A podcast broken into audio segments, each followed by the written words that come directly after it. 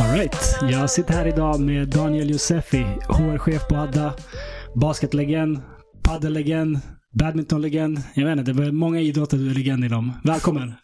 Tack så mycket. Tack. Jag tänkte på det. Vi har, vi har spelat ganska många idrotter ihop. Och jag, jag funderar på vilken som egentligen var din första kärlek. Vad, vad började du med för idrott? Men det var... Alltså, när jag var yngre så prövade jag på... Och jag prövade på friidrott, fotboll spelade jag lite. Mm. Men sen började jag med basket när jag var tio. Ja. Eh, och då fastnade jag. Mm. Eh, och så fortsatte jag med det. Så får man väl säga att basket var min liksom, Ja. första kärleksidrott. Men du har alltid varit uh, idrottig av dig. Jag har alltid älskat idrott. Alltså från skolan, så här, man spelar innebandy, fotboll på rasterna, basket och liksom Ja. gymnastik har alltid varit favoritämnet. Mm. Eh, Mm, Så, så jag. alltid, alltid älskat allt med sport. Både utöva och titta på. Okej, så basketen från 10 års ålder. Spelar du fortfarande? Ja, jag spelar fortfarande. Nice. Veteran. Fan vad fett. Hur gammal är du nu? 39 fyller jag i oktober.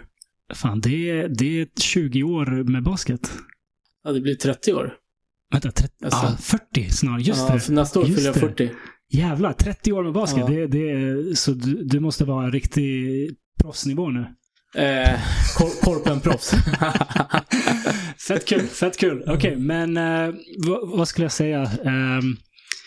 Är det, du, du, du lirar ju annat nu idag också. eh, framförallt paddel skulle jag nog säga. Ja. Jag blir en sån paddeltorsk som alla andra, men som Mm. Har hållit i när dippen kom. Vi körde ju för några år sedan du och Mm. jag. Eh, och jag märkte att okej, du är lite seriösare på det här än vad jag är. jag, jag, jag har lirat lite paddel men det, jag kom aldrig upp till den nivån av att tycka att det är så kul att jag, att jag, blir, för, att jag blir bättre på det. Nej. Men du, du håller i fortfarande. Mm, men jag tycker det är så sjukt, jag har tänkt på det många gånger, att liksom hitta en ny idrott, Ja. typ när jag var 35, Ja. att, och som man tycker är så jävla rolig. Som, Ja. man, som jag tyckt basketen har varit. Att Ja. göra det kändes liksom så här lite unikt på något sätt. Att så här, men fan det här kan jag göra. Jag är relativt duktig. Nu finns det någon som är så mycket bättre än vad jag är, Mm. definitivt. Men relativt duktig får jag ändå säga. Eh, och liksom kunna göra det och jag har alltid trott att ska man röra på sig ska det vara kul. Mm. Eh, och hitta det, det är ah, skit, skitroligt. Du gillar tävling va? Jag är en väldigt tävlingsmänniska får jag säga. På gott och ont. På gott och ont. Har det alltid varit så? Ja, alltså jag har ett minne av när jag var liten Ja. eh, och liksom vi spelade spel hemma. Eh, vann jag inte ja. så fuskade jag. Alltså typ brädspel, kort och Ja, sånt precis. Typ Monopol och Mm. Fia med knuff och sånt här liksom Ja. kortspel. Eh, som vi spelade mycket när vi var små. Eh, vann jag inte så fuskade jag om Aha. jag kunde. Om jag inte kunde fuska och vinna Ja. och jag märkte att jag förlorade. Då kunde jag liksom välta hela brädspelet och sluta spela. Så min mamma sa att jag slutar spela med dig. Okej. Eh, det, är liksom, det går inte. Det har jag full förståelse för. eh, När, när det hände, när din mamma gav upp på det här med att spela med dig, fick du dig en tankeställare eller tänkte du weak? nej, alltså då var jag typ 4-5 år. Så jag Ah, fattade det så ingenting. Alltså jag var skitliten. Okej. Eh, sen har hon såklart spelat med mig efter det också. Ja. Eh, men jag har hela tiden haft den liksom tävlingsinstinkten och vi, vilja vinna hela tiden. Ja. Jag har liksom alltid haft det i idrott. Jag blir skitsur när jag förlorar. Ja. Eh, det kan liksom sabba, förut i alla fall, en hel dag. Ja. Nu har man lärt sig hantera det på andra sätt. Men också så här, när man var yngre och så här basketmatcher som man torska. Också så väldigt dåligt, osportligt. Jag tackade inte efter matchen liksom för att jag var så jävla arg. Mm. Eh, idag skulle jag aldrig göra det. Man har växt upp, man har mognat. Mm. Kanske fortfarande lika arg, men klart som fan jag går och tackar och berömmer motståndarna istället. Ja, ja. Eh, men fly förbannad liksom. Var kommer det här ifrån? Jag vet faktiskt inte eh, var det kommer ifrån. Eh, så det handlar kanske... Nej, jag vet. Jag tänkte se om man tävlade mycket när man var liten, men det var ingen som uppmuntrade mig till det. Vad jag, vad jag kommer Folk ihåg. uppmuntrar dig att sluta tävla. Ja, mamma, mamma är inte speciellt tävlingsinriktad. Pappa kanske lite sådär, men inte Intressant. allt som jag kom minns som när han var liten. När jag var liten. Älskar du att vinna mer eller hatar du att förlora mer? Den är så svår, eh, tycker jag. Jag hatar nog att förlora mer än vad jag älskar att vinna. Mm. Eh, tror jag. Ska Det är ju skitkul att vinna, men jag blir ju argare när jag Mm. förlorar än gladare Ja. när jag vinner. Det där är så intressant. Alltså, jag, jag är nog likadan. Eller, jag vet inte. Jag, jag var nog det när jag var yngre. Mm. Jag, jag hatade också att förlora väldigt mycket när jag var yngre. Nu på senare år är jag mycket mer zen. Bryr mig Ja. inte så mycket. Men, men jag kommer ihåg just det där att det var ju alltid mycket jobbigare att förlora. Att vinna kändes som att det är klart att vi ska, vi ska vinna. Ja, det ska jag göra liksom. Ja. Vad- det, det, det är det som varför, finns. varför går vi ut på planen förutom för att vinna liksom? Ja, men exakt. Ja. Var det farligt på planen? Men jag har väl alltid spelat på gränsen liksom, till fult. Du och jag har ju spelat mot varandra också. Så. Jag har lirat några gånger. Men Så, det var, men jag- det jag jag på alltid spelat- dagar. Men jag har alltid spelat väldigt tufft. Ja. Eh, har jag gjort. Ja. Eh, så. Sen har jag aldrig velat liksom ja, skada någon eller göra illa någon. Men jag har alltid spelat tufft. Jag liksom, Sätter hårt mot hårt. ja, knuffas gärna lite eller backar inte eller liksom så. Blir det mer sånt ju äldre man blir? Nej, det tror jag inte. Jag tänkte att när jag var yngre, då var jag ju mer kaxig liksom. Eh, uppkäftig och så. Ja. Inte på samma sätt idag. Sen finns det med idag också. Tänker framförallt på basketen när man spelar. Det är mycket Ja. liksom, man ska psyka varandra och man ska liksom inte Ja. akta på sig. Eller så här. Paddel om man jämför som är så här gentlemannasport. Ja. Bra jobbat, bra slag och så här. Och det, så är det ju. Alltså det, Ja. jag berömmer folk också. Eh, mycket. motvilligt. Ja, men, men både och. Men det handlar om att man har mognat också. Ja. Liksom. Vad är det för mening annars här? Exakt. Eh, så basket kan jag också liksom idag. Så här, men fan bra skott. Ja. Eh, så. Men, men jag spelar nog rätt tufft. Eh, Ja. Det gör jag. Gillar du trash talk? Ja, mm, det gör jag. Ja. Det, det måste jag nog säga. Brukade du starta trash talk eller var det när någon tilltalade dig som du kom igång eller? Jag startar nog ganska mycket. Tror jag. Sen är det ingen så här överdrift som man liksom läser från NBA hur, hur någon säger liksom det ena och det andra. Men Ja. jag kan nog försöka liksom psyka folk Ja. med trash talk. Har du Eh, haft några riktigt bra psykningar som du minns? Nej, så jag är väl rätt dålig på trash talk egentligen. Ingen som jag minns det där, men det är klart man har fått folk ur balans liksom. Man ja. så här, eh, när någon skjuter och man missar och går och viskar airball i örat på dem efter och liksom Ja. så här så ska de skjuta igen så skjuter de en till airball. Då Ja. har man på något sätt lyckats. Ja. Eh, för att de vill motbevisa sig. Det är en skön känsla. Ja, och gud ja. Det, Nej. det, det är ju som att göra poäng eller liksom Ja, så det, själv. det är nästan ännu bättre. Ja, ja.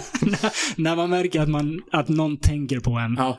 lite mer än vad de borde. Mm. Det, det, är en, det är en skön känsla. ja men precis, att, att någon blir störd av en. Ja. Eh, så. Det, ja, jag håller med. Det, är- det är en skön känsla. Det är verkligen.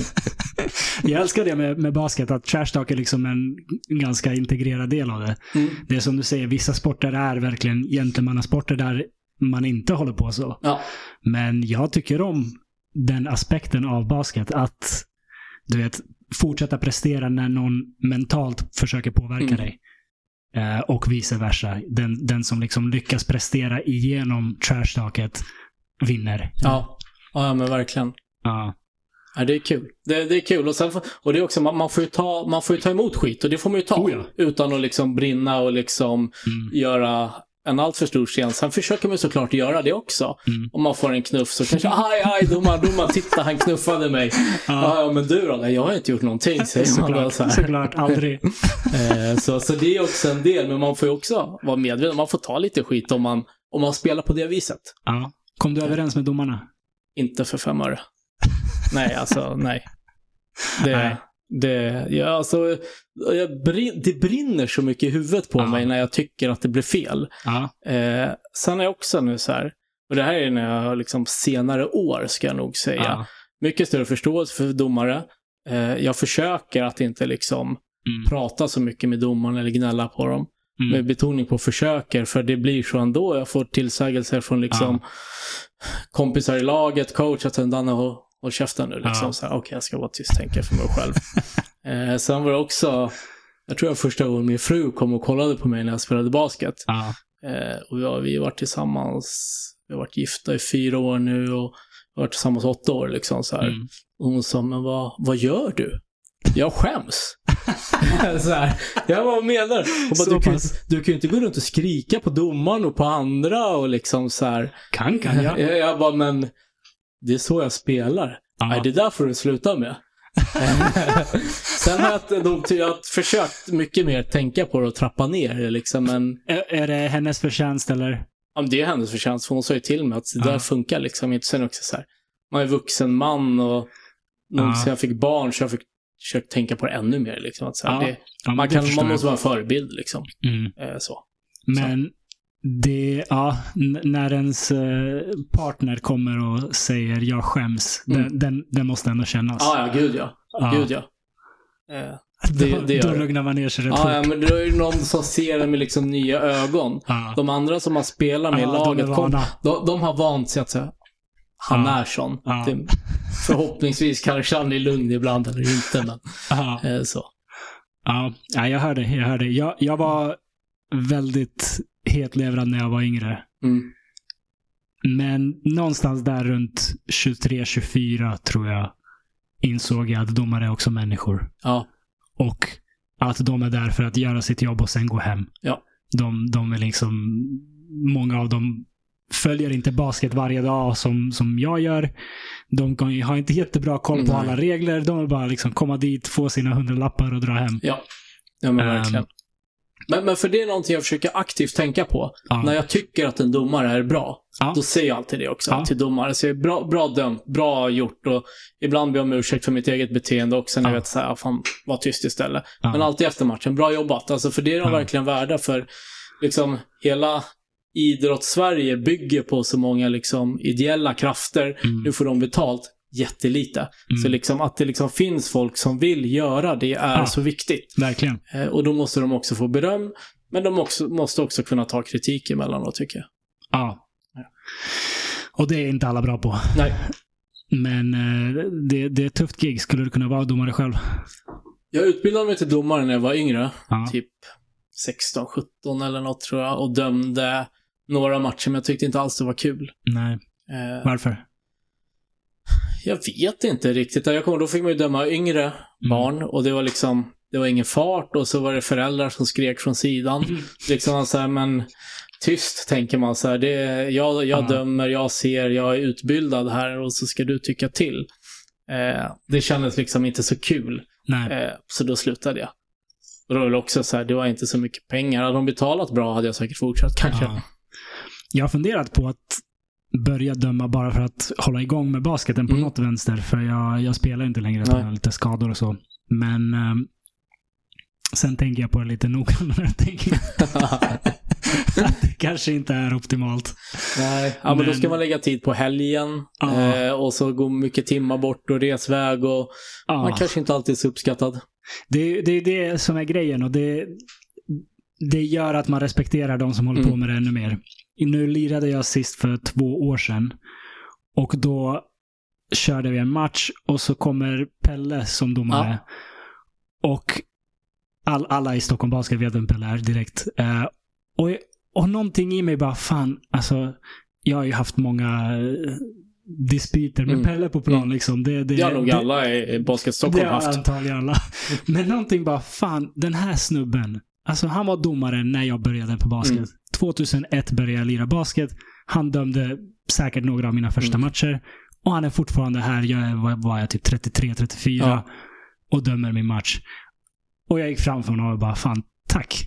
Du, du, har, du har lagt så många timmar av dina helger på att Ja. vara här och, och, och döma matcher. Du, du måste inte göra det här, men Nej. du gör det. Och visst, det är betalt. Som du säger, inte mycket betalt, men tack. Mm. Han uppfattade inte riktigt vad jag sa. Och typ, till Du mig att gav stoppa in... teknisk och bad det gå. Ja, men typ så här till mig att stoppa i tröjan och så var det dags att köra igång matchen. Så. Jag försökte i alla fall. Ja, det var ändå ett försök att liksom visa uppskattning. Jag har försökt. Jag har försökt. Ja, ja Pelle är härlig. Eh, Men, men, men vad fick du då när du var 23-24 att liksom den här liksom tävlingsmänniskan att liksom dämpa den och tänka att så här. Det är en bra fråga. Jag tror att... Jag tror jag var del av ett lag som hade för många hetlevrade människor. Ja. Jag tror det verkligen var brytpunkten. Jag, jag, jag, jag var nog på bättringsväg redan innan det för Mm. att ehm, ja, jag hade sett lite folk som hade betett sig dåligt på, Mm. på planen. Men sen var jag del av ett lag där folk verkligen tjafsade med domarna varenda match. Och jag märkte hur, hur, eh, då, hur mycket det påverkade mig. Hur mycket Mm. sämre jag mådde och hur mycket sämre jag liksom hur mycket mindre kul det blev Ja. med basketen. Jag tror att det verkligen var så sista droppen. Att Mm. nej, jag tänker fan inte vara en, en sån här människa. Ja. Ja. Så att se det på nära håll bland lagkamrater som betedde sig dåligt, Mm. det, det tror jag var, var en stor grej. Ja. Sen inser man ju någonstans att det inte lönar sig. Även om domaren har fel så, så kommer man ingen vart. Nej, det blir ju bara värre och liksom de kommer ihåg det till nästa gång och, Ja, och så. Så Liksom, så det man bara. jobbar alltid uppförsbacke Ja. lite. Jag, jag tycker det där du sa innan är skitviktigt. Jag, jag går all, också alltid fram efter och säger tack och liksom Mm. bra, bra dömt när det har varit bra. Ja. Ehm, de, de får inte jättemycket kärlek domarna. Nej, gud nej. De får väldigt Nej. mycket skit. Ja, ja, alltså det är liksom 98-2 om man ska jämföra vad jag Antagligen. gissar. Ja, Eh, så. ja. Nu när vi är på baskettemat. Mm. Det här hände häromdagen och jag har inte hunnit prata med någon om det. Jag måste prata om det. Anthony Davis kontrakt, har du sett det? Ja. ja, jag såg lite siffror bara på det. 186 miljoner dollar över tre år. Mm. 62 miljoner dollar per år. Det är det största kontraktet per år någonsin. Mm. 62 miljoner dollar, det är 650 miljoner kronor för att spela basket per år. Och det är bara basketen. Mm. Sen finns liksom sponsorer och Ja. allt annat. Äh, Det, det är så, vad, det är så sjukt. vad säger det om världen? Ja. ah, nej, men det är, det är sådana liksom gastronomiska summor Ja. för honom att få. Men det är lika som det här Mbappé, vad han Ja. blev erbjuden.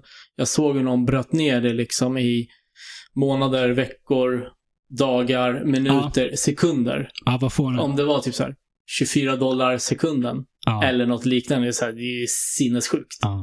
Vad, de gav något ännu mer absurt. 700 miljoner dollar, eller vad var det? Jag kommer inte ihåg. Det var, men det var, det, det var så otroligt mycket pengar Ja. liksom för typ ett år eller vad det var. Ja. Men, men också så här, Davis, jag tycker han, han är en jätteduktig spelare. Ja. Eh, ingen snack om det. Men jag vet inte, det känns lite, lite mycket. Ja.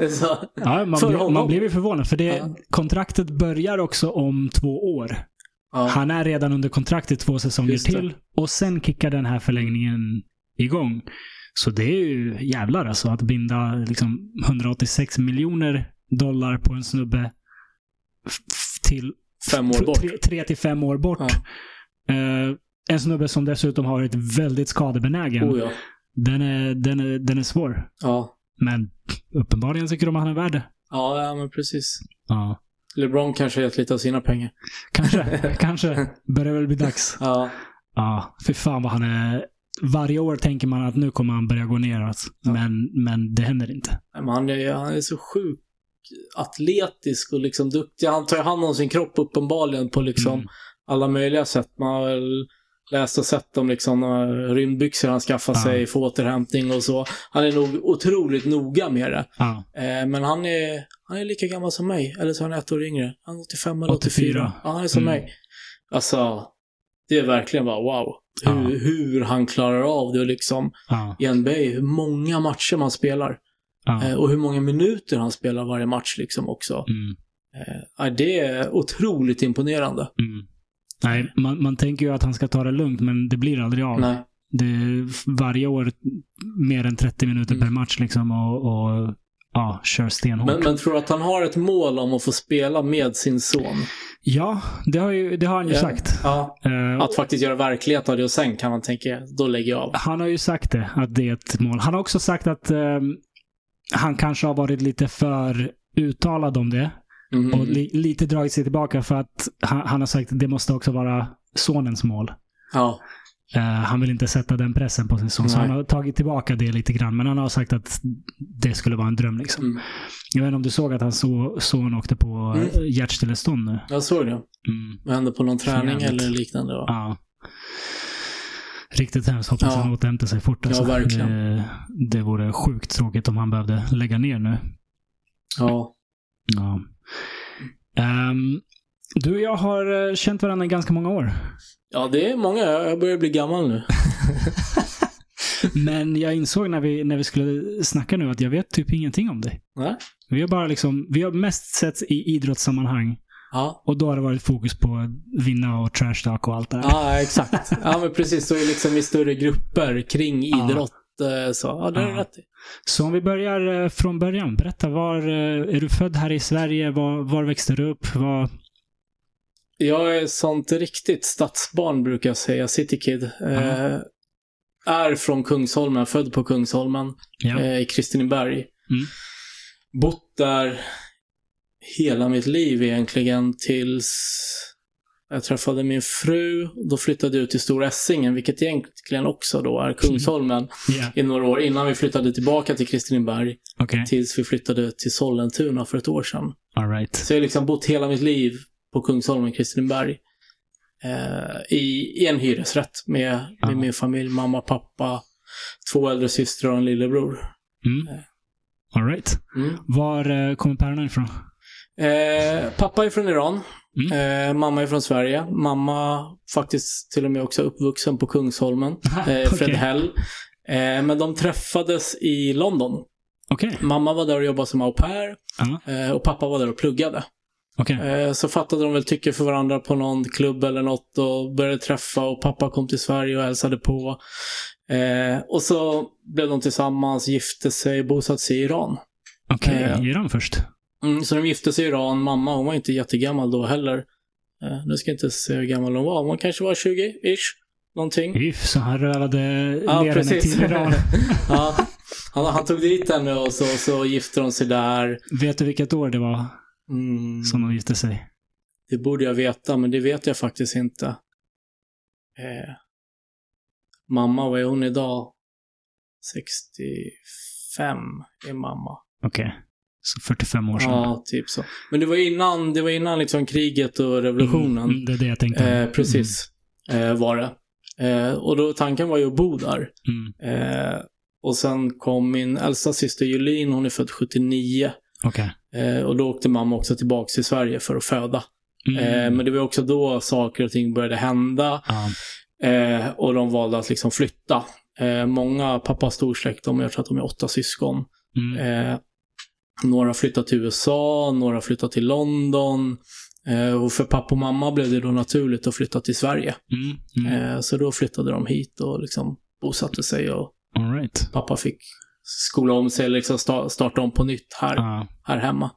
Vad eh, jobbade han med innan och vad blev det sen? Men i Iran så, pappa kommer liksom från en bra familj där han har drivit egna företag och, liksom drivit olika affärer. Han, han säger alltid att han är en businessman. Mm. Eh, och det, det får man ge honom. Mm. Och sen när han kom till Sverige så har han jobbat med, liksom, han har här, haft tobaksaffär, han har, mitt tydligaste minne är att han drev en liksom import-export Mm. företag med en av sina vänner eh, som jobbade mycket, mycket med import och export från och till Iran framförallt. Okej. Eh, och sen ja, gjorde han det och sen blev han förtidspensionär. Mm. Eh. All right.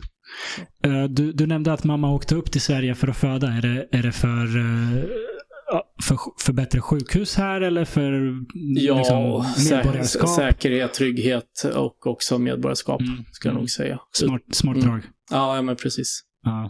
Eh, så. Okej, så eh, hur, då, då 79 där när det började liksom Mm. koka, då flyttade de till Sverige.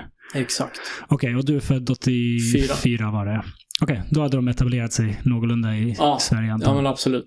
Kungsholmen. Mm, precis. Härligt. Ja. Hur var det att växa upp i Kungsholmen? Men det var superbra. Eh, riktigt roligt, tycker jag. Jag tänker också mycket så här, jag pratar med andra om det vid tillfällen. Så här, tänker man på Kristineberg idag, jag vet inte varför du får associationer när, eh, som område liksom. Jag, jag tänker bara på den där stora gröna vad heter det, gräsplätten. Um, Rålambshovsparken, eller? mm, nej, precis vid tunnelbanan Kristineberg. Ja, vid Plaskdammen liksom. Ja, precis. Det är typ det jag tänker på. Och så har jag en kompis som hade lägenhet där ett tag där vi satt och drack rom och cola. någon. Ja. det, det är mina Ja. enda associationer med Kristineberg. Typ. ja. Nej, men för, för när man, alltså, jag tänker många, Kristineberg idag är ett rätt fint område liksom. Eh, man har ju byggt mycket i hela Hornsbergs strand och Ja, eh. Kristinebergs strand och liksom Just det, det hör till Kristineberg. Ja, precis. eh, allt vad det heter liksom ganska välbärgat. Mm. Eh, när vi växte upp var det inte alls så. Okej. Eh, då, var det, då fanns det ju typ inga bostadsrätter. Det kanske fanns, jag vet inte. Eh, men så utpräglat. Det fanns ju ingenting vid vattnet där. Så, Mm. så det var ju liksom någon form av arbetarklass. Mm. Eh, där, där man växte upp och bodde. Och vi hade en gård som vi lekte mycket på. Liksom, och grann, grannbarnen sprang ut och föräldrarna ropade från fönstren när det var mat. Eller Ja. kom ut på de liksom, gemensamma bal- balkongerna. Så här, Mm. ja, Daniel kom hem och ät nu. Gustav, nu är det mat liksom. Och så här. Eh, så det var, men det var skitkul. Vi var ett ganska stort kompisgäng som Ja. eh, liksom härjade runt tillsammans. Härligt. Eh, ja, så det var eh, bra, bra uppväxt. Var du busig? Medium skulle jag nog säga. Medium? Eh, Ja, det fanns ju liksom, vi var väl ett gäng på sju, åtta grabbar. Uff, farligt. Ja, det var ju de som var betydligt busigare än mig, men jag Ja. var inte oskyldig liksom. Vad, vad var några av de busigaste grejerna du gjorde? Eller någon? Någon, det beror på ålder också. Så man har gjort olika grader liksom. Det kan Eh, eskalera. Men eh, det började när man var yngre, då var det mycket så här att så här, kommer du ihåg det gamla tricket man la ut en plånbok med fisksnöre? Ja, Tyckte ja. vi var skitkul. Ja. Kasta vattenballonger på folk. Mm. Ärtsnärt kommer jag ihåg. Ärtsnärt. Ja, att man hade en så här, Slangbella. man tog typ en toarulle ah, och satte man en ballong det. på den som man tejpade. Ja. Och så kunde man dra och här skjuta. Det blir bra tryck i dem. Det blev bra tryck. Och så Ja. kunde man utveckla det med liksom, det fanns någon så här galgstång man kunde ta av. För då var det liksom mindre och det var avancerade grejer. så, så man kunde ligga och skjuta på folk och Okej, så. ja. Vi körde ärtrör. Mm, Det som man blåser. Ja, precis. Det fanns en, ett parkeringshus i Vällingby. ehm, som var så jävla perfekt. Jag, jag vet inte om du har varit i Vällingby där Ja, skitsamma. Nu är det 20, 20, 20 någonting år sedan, så det, det ser inte ens ut så längre.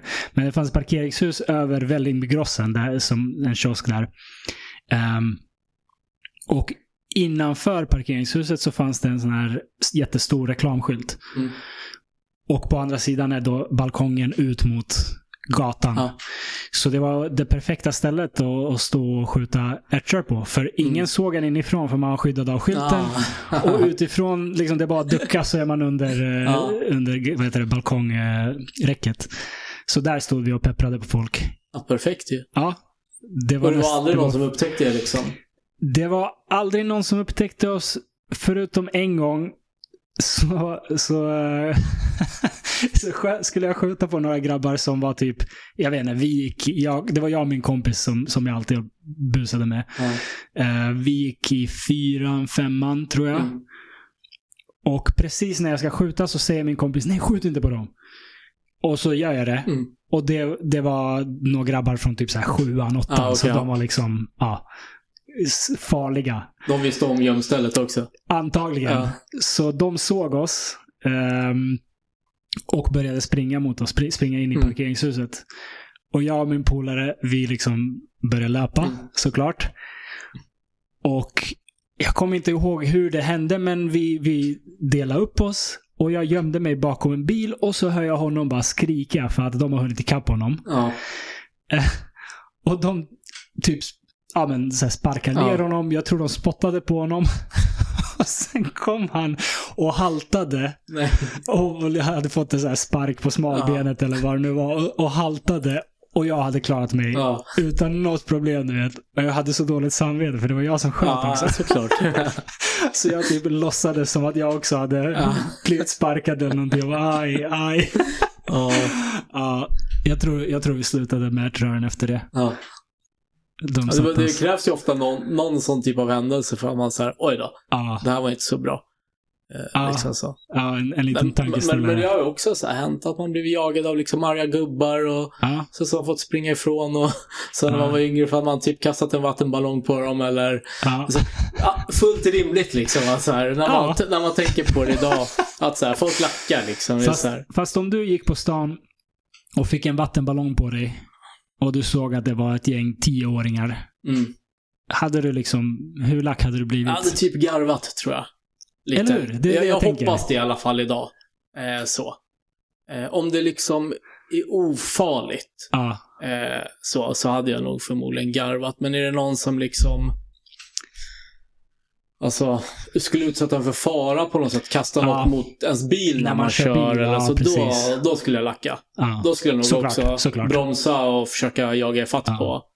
Men vad, ska man göra då liksom? Om du får tag eller på den här med... Det är Eller inte så, du, du slår ju inte Nej. ett barn eller en ungdom eller liksom ska man hålla fast den och ringa föräldrarna eller liksom Ja, det, vad gör man? För man skulle nog bara liksom det, jaga upp sig. det är nästan som man hoppas att man inte får tag på dem. Ja, men lite Så så. man inte behöver ta reda på vad Ja. man hade gjort där. Ja, men exakt. Ja, för man, speciellt som du säger om det är en fara, om man är i en bil och någon Ja. kastar en sten eller någonting. Alltså det där, då, då är det lätt att tända till. Mm. I bil generellt är det Ja, lätt gud, att tända ja. till. Ja, eller om det liksom händer liksom mot ens barn eller något så här om man går eller så. Ja, fy fan. Eh, Men ja, vattenballong och sånt där tror jag det, det får man bara ta. Ja, någon smällare i någon... Jag kommer ihåg vi gjorde mycket efter... Man liksom, då fanns ju telefonkataloger, så gammal jag. Ja. Liksom, man buntade ihop telefonkataloger och la in smällare så att det kunde liksom Aha. flyga lite och så här. Okej, Ja. vad, vad, vad händer? Det blir bara liksom sånt tryck att det smäller mycket? Ja. eller? Ja. Precis. Okej. Det är Det börjar inte brinna? Nej, Okej. inte vad jag vet att har det gjort i alla fall. Ja. så. Sen sprang man ju alltid därifrån liksom så. Ja, någon annan får ta konsekvenserna. Ja. Ja, lite så. konsekvenstänk var inte på topp. Nej, gud nej. Nej. Nej. Okej, så du gick, gick du i skolan och eh, grundskola och gymnasium också i Kungsholmen eller? Ja, jag gick i grundskolan eh, i Kullskolan. Ligger precis vid Kristinebergs tunnelbana. Det var också lite intressant för det var en skola som hade varit nedlagd som de startade upp. Så vi var liksom första årskursen som började där. Okej. Eh, Så från ettan till sexan var vi alltid äldst. Mm. Eh, Och det fanns bara en klass i varje årskurs. Mm. Eh, vilket känns väldigt unikt för dagens skolvärld, liksom att det bara var en Mm. så liten skola. Så det, det var kul. Det var jättekul. Och sen började jag i Rålis på högstadiet. Och sen gick jag Toresplan på gymnasiet. Mm. Så väldigt liksom bekväm av mig för nära. Ja, jag gick i... Eller efter ettan i gymnasiet så var jag så trött på dels skolan och Toresplans gymnasium. Ja. Eh, så bytte jag till Bromma. Okej. Eh, men gick där två veckor och tänkte, nej men här vill jag inte gå. Mm. Eh, det var liksom... Ah, det passade inte. Nej. Jag kände Vad var, det, vad var det som Nej, inte men, men funkade? d- dels för i ettan på gymnasiet gick jag engelskspråkig linje. Ja. Eh, och jag tror jag var otroligt skoltrött i ettan. Jag tyckte inte det var så kul med skolan. Eh, så bara tyckte det var tråkigt. Så då tänkte jag att jag behöver byta. Mm. Eh, sökte jag. Så Bromma verkade ju soft. Så började jag där. Men det var liksom ingen god känsla. Eh, Mm. Också ett starkt minne jag kommer ihåg. Som jag inte tyckte skolan var så rolig eh, Mm. på gymnasiet. Så om det var så här biologi eller något så här. Så delade läraren ut kriterier för MVG. Mm. Här har ni de här och jag räcker upp handen och frågar sig, om man, om man vill ha G? Mm. Nej, det satsar vi inte på här. Mm. Eh, Och då tänkte jag så här, ah, det här är inte för mig. nu låter jag så otroligt liksom så här, ah, jag tyckte inte skolan var så viktig eller uh, dålig. Men det, då jag kommer jag var så skoltrött i eh, första, första ring. Jag tyckte det var så tråkigt. Sen blev det bättre. Då bytte jag tillbaka till Toresplan, Ja. bytte till svenskspråkiga klassen och det blev bättre. Och sen är det också så här, jag har alltid haft väldigt lätt för mig i skolan. Mm. Eh, tack och lov, så jag har inte behövt anstränga mig så mycket. Mm. Eh, så det var också så här, ja, anstr- anstränger mig lite så får, har jag fått hyfsade betyg. Så det är jag väldigt tacksam för att jag har haft så pass enkelt. Mm. Skönt. Var tror du den där skoltröttheten kom från? Jag vet faktiskt inte. Jag har ingen aning. Jag tror det kanske var att jag inte kanske inte trivdes så bra. Mm. Eh, vilket också är jättekonstigt för jag gick i min, några av dem som är mina allra närmsta vänner idag. Mm. Eh, som du också känner. Ja. Eh, och det är också så på det sättet jag känner dig genom din bror som känner var kompis med dem också. Men jag vet inte, jag tror bara jag tyckte det var så tråkigt. Det var liksom Mm. inget roligt. Eh, jag, jag vet faktiskt inte. Okej. Men sen vände det, så då tycker jag liksom, sen i tvåan blev det roligare och liksom bättre och jag fick eh, det är inte så att jag inte fick några, jag klarade alla ämnen i ettan och så också, Mm. men eh, jag fick, kanske inte fick några MVG, jag fick G och VG. Ja. Eh, så. ja. Dugligt. Ja, ja, absolut. Absolut. Vad ville du bli när du blev stor?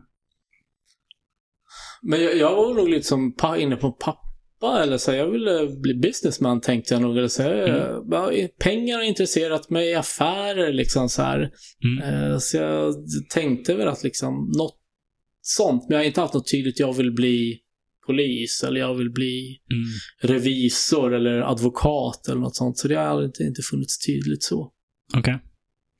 Då kanske du tänkte att eller ville, ville du plugga vidare? Ville du liksom plugga efter Ja, gymnasiet? men, men, men, det, men det var tanken. Mm. Eh, och det är väl också så mycket hemifrån. Alltså, pappa i Iran är liksom... Det Ja. viktigaste du kan göra är att plugga. Ja. Eh, du ska Läkare eller tandläkare? Läkare, tandläkare, jurist liksom. Advokat säger man då, inte jurist, för jurist Ja. är ett steg lägre. Sådär.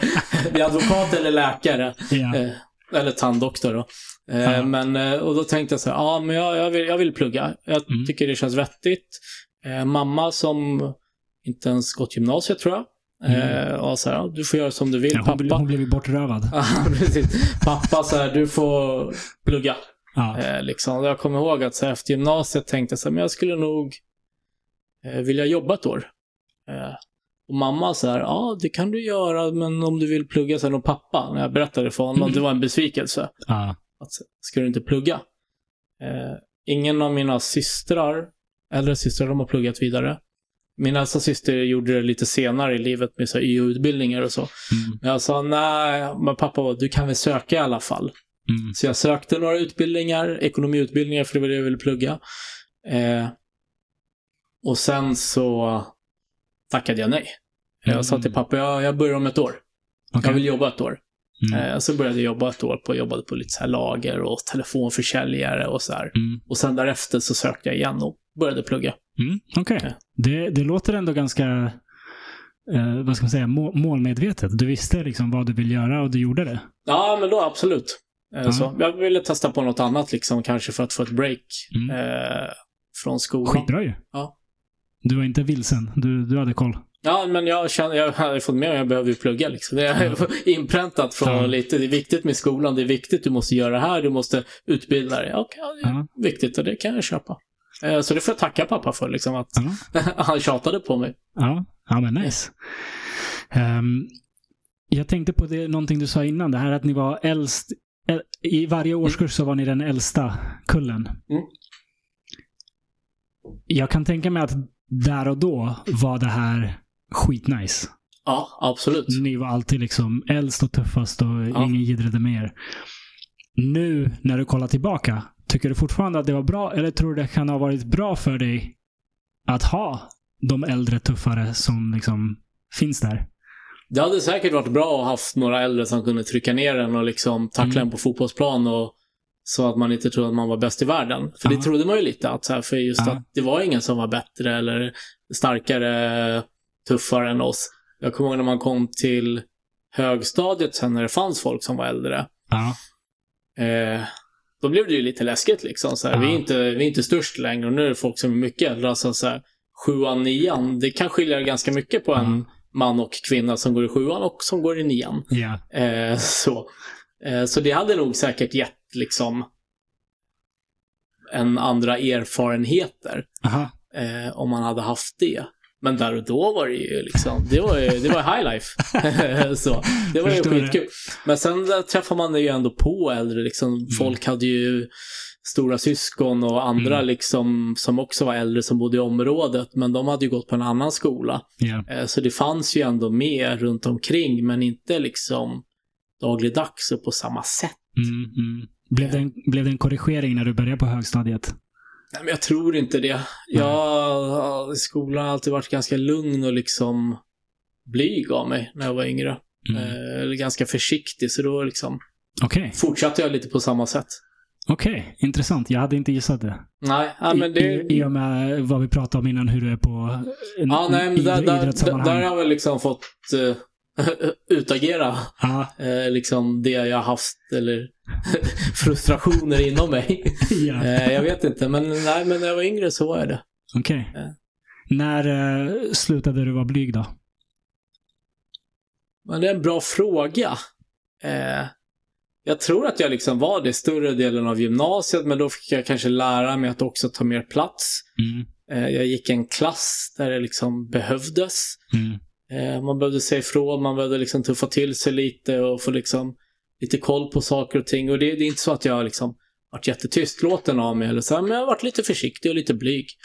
Eh, sen blev det nog kanske när jag började någon gång på högskolan, när liksom att så här, jag vet inte om jag hade bättre självförtroende, blev mer bekväm i mig själv eller Mm. vad som gjorde det så här, ja det är inte så farligt.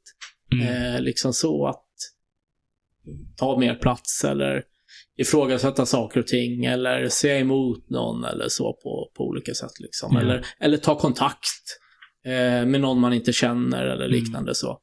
Eh, så det har nog varit en övning Mm. eh, i det, att man får liksom göra och jobba med det. Ja. Var, var det SU du gick på? på ekonomi eller? Nej, jag gick på Södertörn. Okej. Eh, gjorde jag, så gick jag någonting som heter entreprenörprogrammet. Aha. Eh, vilket låter som att nu blir du entreprenör, hej och hå. Mm. Eh, så var det, man lärde sig om entreprenörskap. Okej. Eh, vad det var, vad det innebär, hur det funkar. Men det var ju företagsekonomi som var huvudämnet. Okej.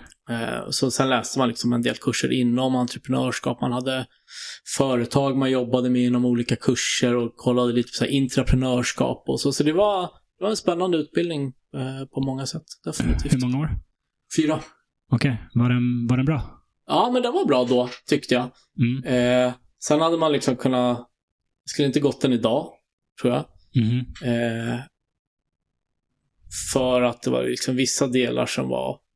Säger, vi läste ekonomisk doktrinhistoria. Okej.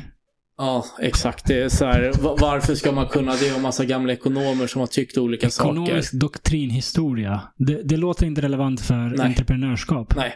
Eller det kanske man ska kunna liksom bakgrunden av tidigare ekonomer. Jag vet faktiskt inte. Alltså det fanns, Mm. fanns mycket som var bra i den. Sen fanns det en del som var liksom, ah, det här var inte så bra. Mm. Mm. Eh, skulle jag säga. Hur var Södertörn då? Men det var bra. Det var fi, fina lokaler, det var fräscht liksom. Så här. Men sen har jag aldrig liksom haft något större liksom skolengagemang, skolliv eller kårverksamheter eller Mm. liknande. Utan man hade ju alla sina polare sen Ja. tidigare. Eh, Så blir det ju lite tyvärr när man pluggar i den staden man Mm. bor i. Man tvingas ju inte till att liksom skaffa sig nya Nej. vänner. Men det är klart, jag skaffade mig också nya vänner där. Några stycken som man hängde med. Så Mm. jag är jättegod vän med än idag och det är jag supertacksam för. Men det var mest de man hängde med och gjorde sitt liksom. Och, och så Mm. åkte man hem och, och sen kom man tillbaka och skrev tentor och Ja. gjorde grupparbeten. Men jag tyckte det var en bra skola. Det var liksom bra nivå eh, på utbildningen och lärare. Och, så, så det tycker jag var, var bra. Mm. Ja, men det är samma för mig. Jag pluggade på KTH. Mm. Och det är verkligen två olika världar att bo i Stockholm, plugga, plugga här eller komma utifrån och, och, och plugga här. Mm. Fördelar och nackdelar med båda. Det är framförallt att slippa jaga boende som så Mm. många behövde göra hela tiden. Det var, ja, det var skönt att slippa Ja. det. Ja, verkligen. Mm. Ja, men det var också bra. Sen tyckte jag så här med ekonomi, det var det jag ville plugga då. Mm. Eh, Jag hade möjlighet att liksom man fick välja vad man ville inrikta sig på.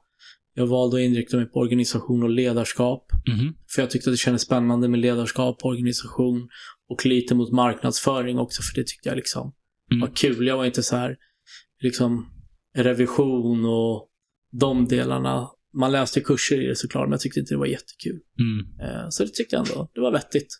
All right. Vad hände när du tog eh, examen då? Ja, då började jag jobba med det jag inte tyckte var så kul. Såklart. ja, jag började jobba med...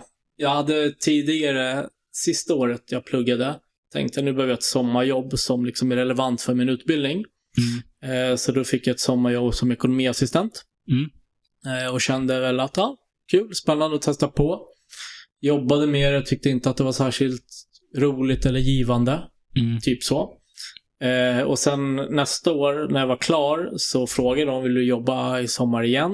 Och jag tänkte, helst inte. Mm. Eh, men jag sa, jag ska undersöka mina möjligheter. Hittade inget annat jobb, så då Ja. sa jag ja.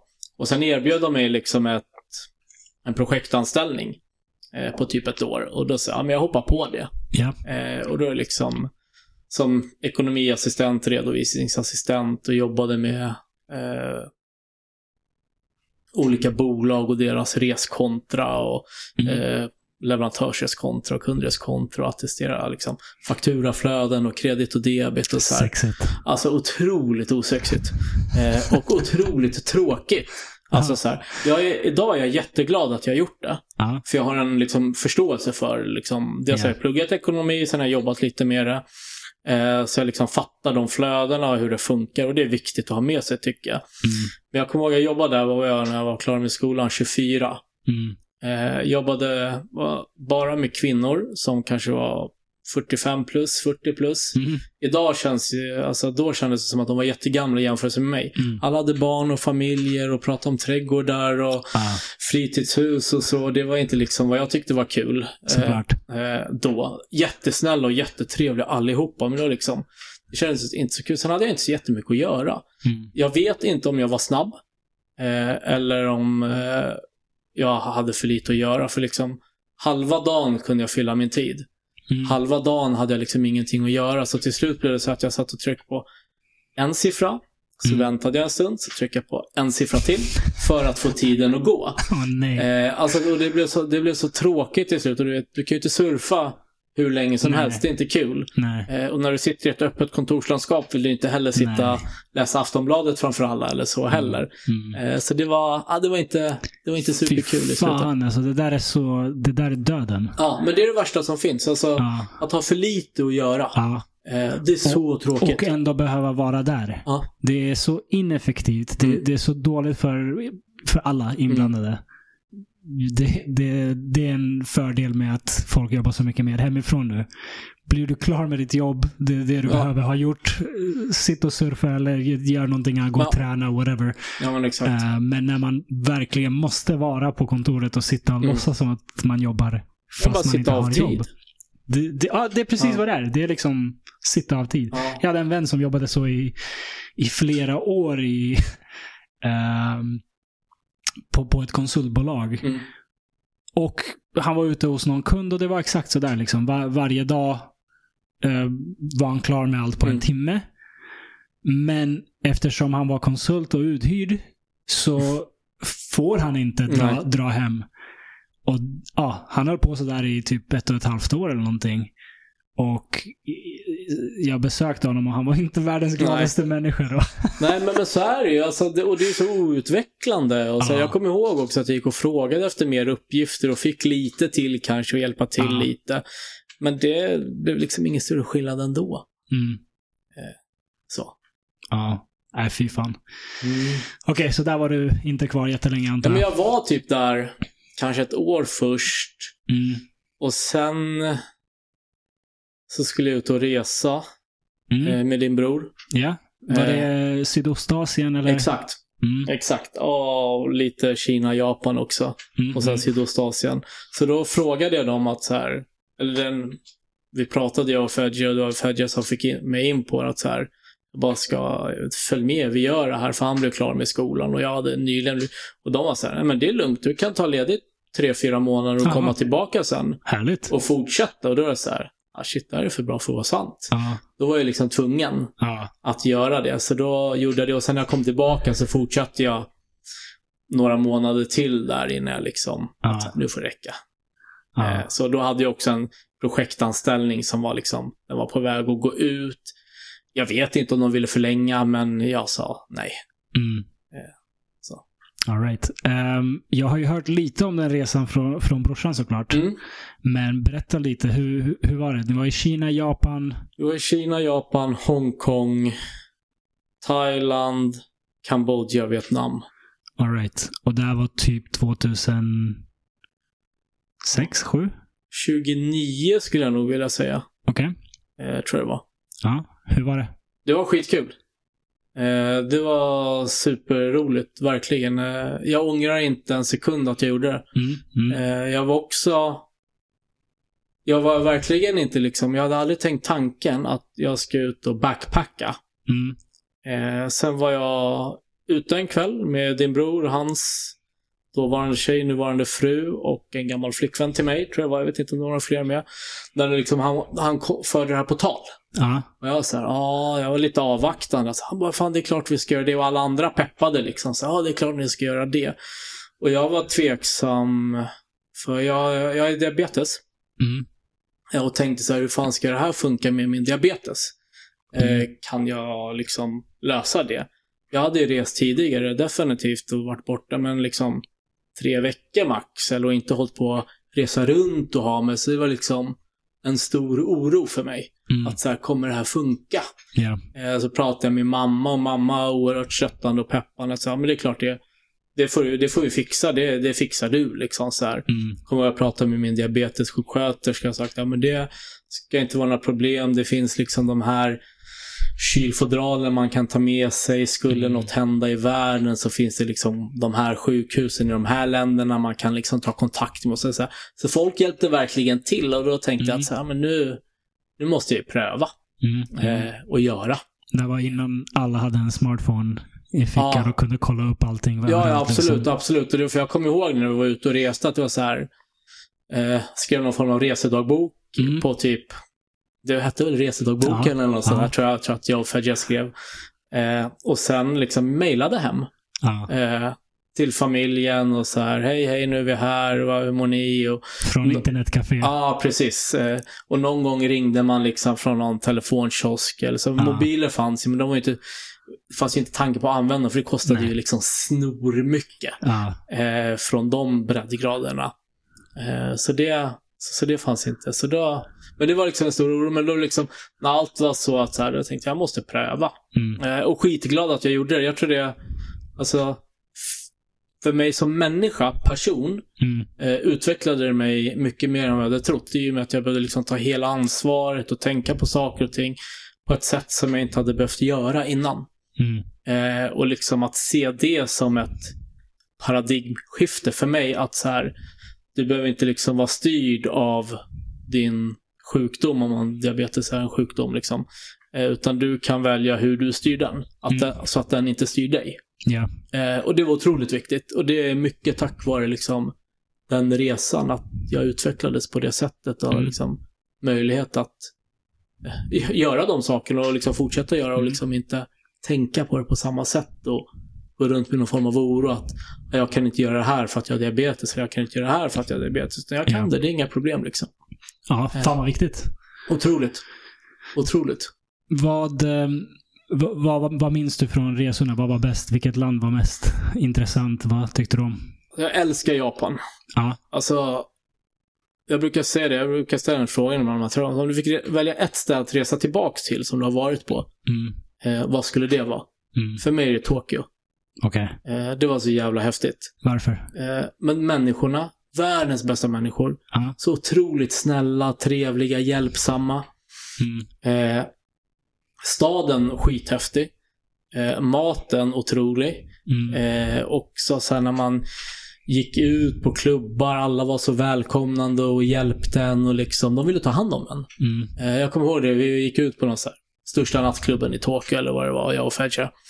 Så gick vi ut, två, två vita killar liksom så här, hej, så här. Ja. Började köpa öl och så kom det fram någon japan som var otroligt duktig på engelska.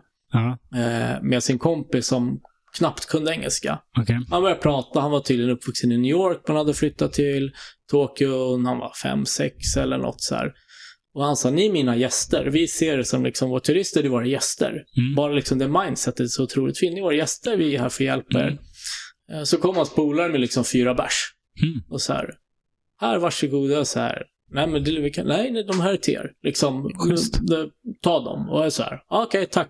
Och jag och Fedja bara, vi, vi tar nästa. Ja. Eh, så gick jag eller Fedja iväg och köpte. Nästan när det var slut. Vi hängde liksom med de här.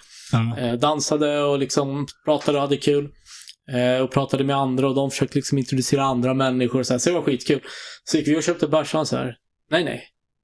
Jag kan inte ta emot det här. Okej. bara, vadå? Du köpte bärs till oss, vi köper bärs till dig. Ja. Det är inte svårare än så. Nej, nej, det, jag kan inte ta emot det. Så här. Vi vill gärna att du tar det här nu. Aha. Ni måste ta emot det. De bara okej, men ingen mer.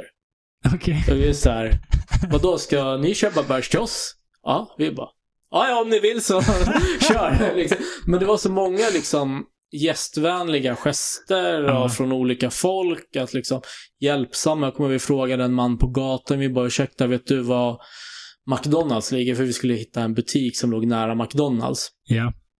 Han bara, nej, nej, nej, jag, jag vet inte. Eh, alltid så no, no, och kunde knappt engelska. Mm. Vi bara, men det är lugnt. Mm. Eh, så vi fortsatte knata liksom och så hör man så här några minuter senare och någon som knackar en på axeln. Och så, så är det samma man. Och han tittar på honom och så säger han That way! Och pekar liksom åt ett håll. okej. Vi var så här, ja tack så mycket, verkligen, men du behövde inte. Han har sprungit och tagit Ja, reda ja, på det. han har frågat någon som Ja. kunde liksom Ja. och så går han och berättar det för oss. Någon annan gång så gick vi på tunnelbanan, Mm. så vi bara ursäkta, den här tunnelbanan till här? Och en kvinna sa nej, nej. Så gick hon med oss från sin tunnelbana, den perrongen, till en annan perrong. Ja, Kanske fem minuters promenad. ja, Deras många tunnelbanestationer är gigantiska. ja. Hon bara, det här tåget ska ni ta ditåt. Och sen gick hon tillbaka. Mm. Vem gör så? Aha. I Stockholm, vem gör så? Ja, det händer inte. Nej. Alltså, det, det är liksom, människorna var så otroligt trevliga. Ja. Eh, och liksom, ja, det, det var så, så genuint på så många och trevliga. Liksom, man kom, jag kommer vi, det var, jag tror det var din bror som hade någon dröm om att liksom få sjunga karaoke med japaner. Mm. Eh, för det, det har man ju en bild av hur det är. Ja, ja. Och då var vi också ute på någon liksom bar någon kväll eller något så här. Så vi började prata om men vi skulle vilja köra karaoke liksom. Ja. Och då kunde man boka rum med liksom, du bokar en timme och så får du dryck, alltså alkohol gratis också Ja. under en timme och så pröjsar man. Jag vet inte hur många hundralappar det var. Ja. Vi bara, men skulle inte ni vilja följa med oss? De bara, jo. Och så sa Ferjan bara, men vi skulle gärna vilja att vi var fler. Mm. Eh, så kan ni fråga några andra här i baren eller liksom så betalar vi och vi bjuder på dricka. Så vi bokar så här. Så vi fick med oss typ 10 pers Nice. och gick och sjöng karaoke också. Så här, otroligt roligt liksom. Ja. Jag, Fedja och massa japaner. Och Ja. superkul. Eh, Härligt. Ja, så det var ja, men, och så här mycket kul att se och liksom titta på i staden. Eh, Så det var ja, fantastiskt, verkligen. Ja. Mycket positivt alltså. Ja, ja, det fanns liksom inget negativt. Ja, dyrt.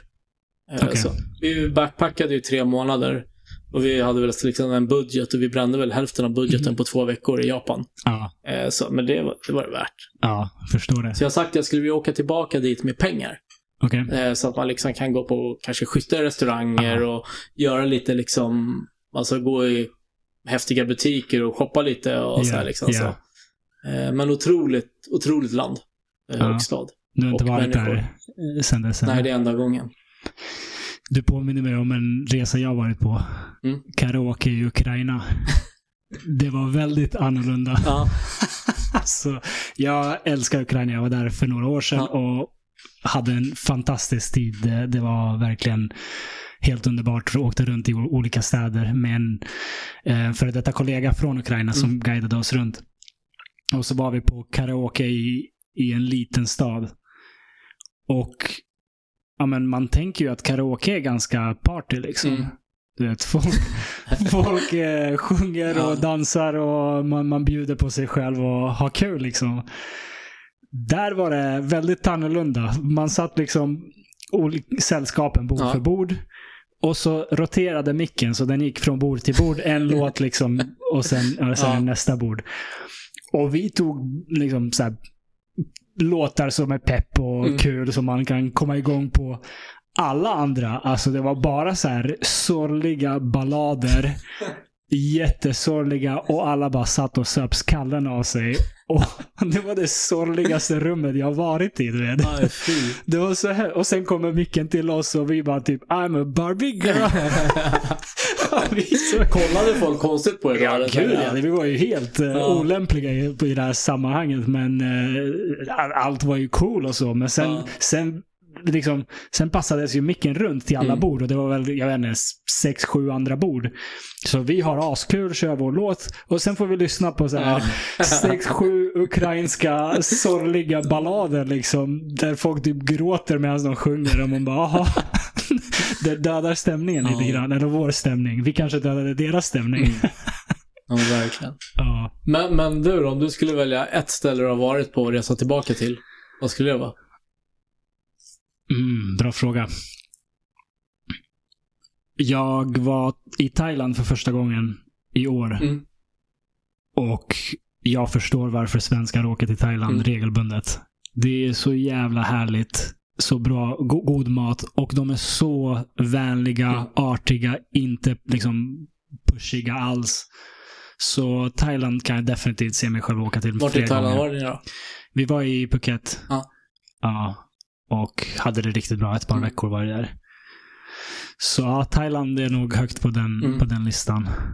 Förr i tiden hade jag sagt USA, men nu är jag inte det minsta sugen på att åka till USA någon mer. Nej. Det, det är jag klar med. Ja. ja. Ja, men det är bra. Men, men just det, men eh, för våran liksom backpackresa, ja, Japan var liksom, Mm.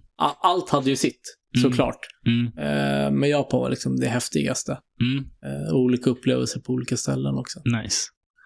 Hur var det att vara lite superstjärna som man är som västerländsk turist? Ja, det de var, länderna. det var lite annorlunda. Framförallt när vi kom till Kina. Mm. Att så här, folk ville ta kort på någon. Vad ska ni ta kort på oss för? Liksom, fattade Ja. ingenting. Ja. Eh, så, så det var... Ja, så här. Ja, ja, ta kort på mig om du vill. Märker man folk som liksom går och smygfotar och så här också. Och så här. Ja, det känns lite märkligt bara liksom. Ja. Man blev framförallt, eh, vi var i Peking en vecka. Det var väldigt uttittad Mm. eh, av människor, Mm. eh, tycker jag. Var det jobbigt? Alltså man tänkte inte så mycket på det. Var inte så att det var någon som var jobbig eller påstridig eller liksom så, så Mm. mycket. Så Okej. inte. Var var maten bäst? Så Japan var ju grymt. Vi åt ju sushi som var liksom, du vill inte äta någon annan sushi efter det. Eh, det gör man ju ändå, men det var otroligt och liksom mycket, mycket bra mat. Definitivt. Eh, jag gillar thai-mat också, så den var ju också riktigt bra. Mm. Eh, men ska jag välja någon så väljer jag Japan ändå. Mm. Det är sushin.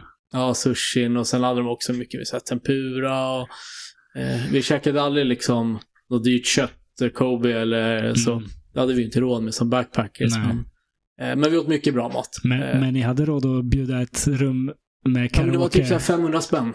Okej, Alltså det ja. var inte jättemycket Det inte pengar heller, så liksom, det var billigt. Lätt Eh, på så. Ja, gud ja. Jag har aldrig ätit sushi.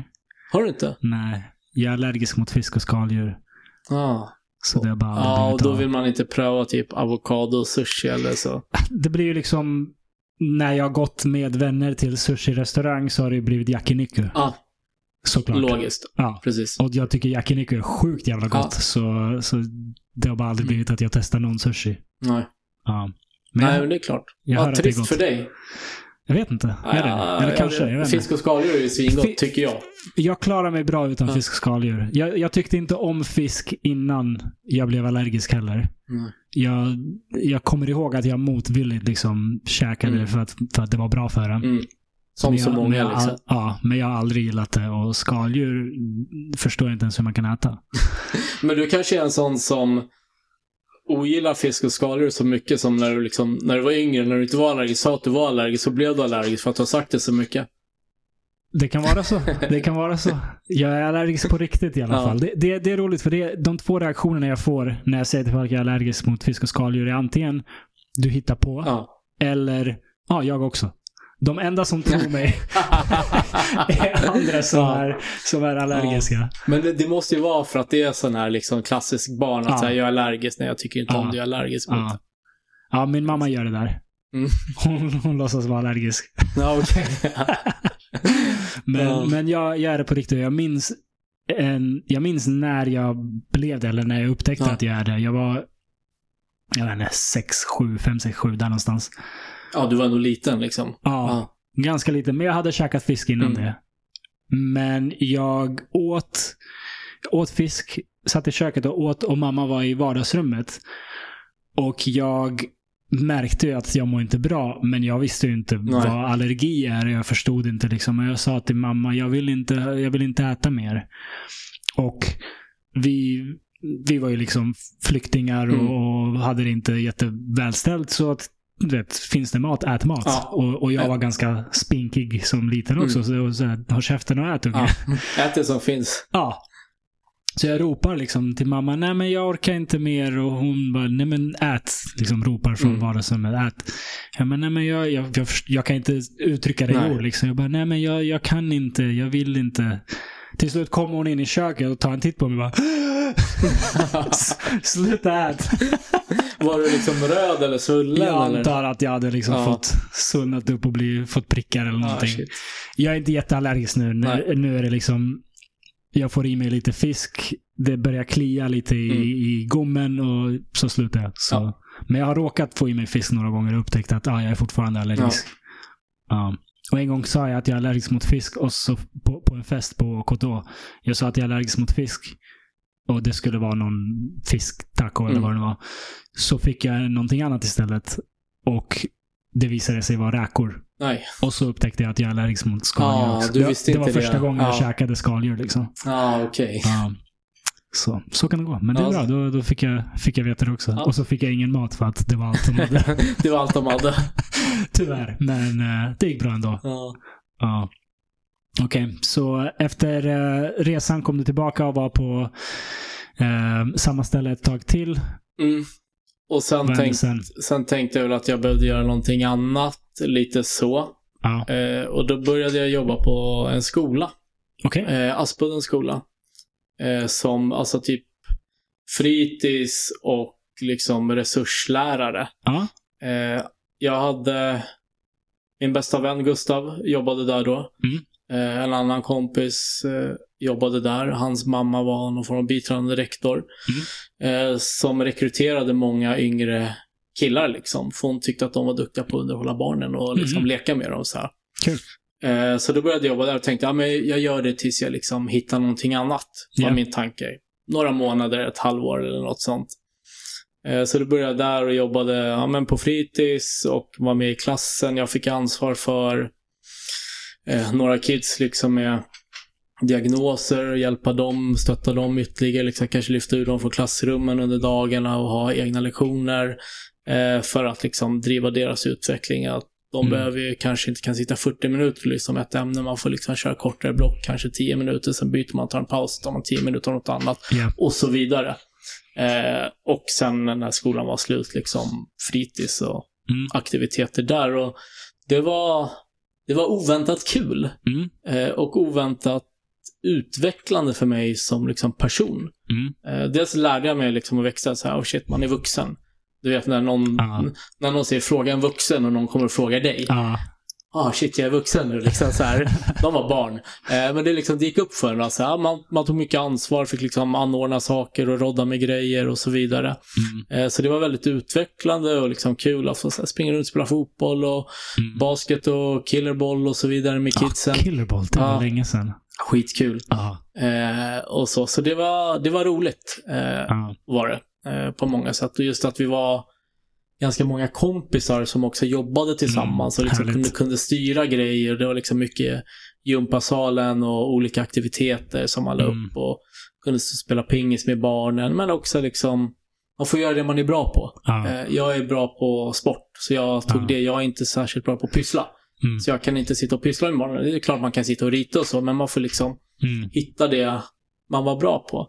Eh, och det är liksom en sak liksom hantera barn och deras utmaningar och utveckling och liksom när, man, när jag såg hur barnen utvecklades i skolan, det Ja. tyckte jag var skitkul. Ja, Så att det här är delvis tack vare mig, att Mm. jag har hjälpt dig att liksom förstå det här eller liksom läsa och skriva. Det var skitspännande. Mm. Eh, men sen var det också liksom hantera föräldrar. Mm. Det är egentligen det jobbiga. Mindre kul. Ja, men alltså som klagar eller gnäller, Ja. kanske inte förståelse liksom. Eh, och så det var också väldigt utvecklande att kunna ta de liksom Mm, diskussioner, dialoger med med andra vuxna då. då att Mm. så, här, så här gör vi eller varför är man inte så? Och om något händer och kunna liksom incidentrapportera och liknande. Mm. Eh, så det var, ja, det var spännande och utvecklande. Mm. Eh, Mm. så jag jobbade med det alldeles för länge egentligen brukar jag säga, men kanske två och ett halvt år. Mm. Eh, tills jag liksom att så här, shit nu behöver jag, nu behöver jag göra något annat. Jag tror säkert att jag skulle kunna jobba som lärare. Mm. Eh, jag tror, ödmjukt sagt, att jag skulle vara en duktig lärare. Eh, så, men jag, jag tänkte att jag har inte pluggat till lärare. Nej. Eh, jag måste göra något som är mer relevant för mig. Mm. Eh, så då satt jag och tänkte så här, vad ska jag göra liksom? Eh, Mm. och som så ofta i mitt liv så resonerade jag med min mamma liksom. Eh, så här, mamma, vad, vad tycker du? Jag vet inte riktigt vad jag ska göra. Eh, hon bara, vad tycker vi är kul då? Så här, vi pratade mycket om typ sälj. Mm. Hon bara, men du har alltid varit liksom, du är säljare Daniel, så här, du är duktig på att sälja och Mm. kan prata för dig och argumentera och så här. Så, ja, men det kanske jag alltid tyckte var lite kul också. Ja. Så då började jag söka massa säljjobb.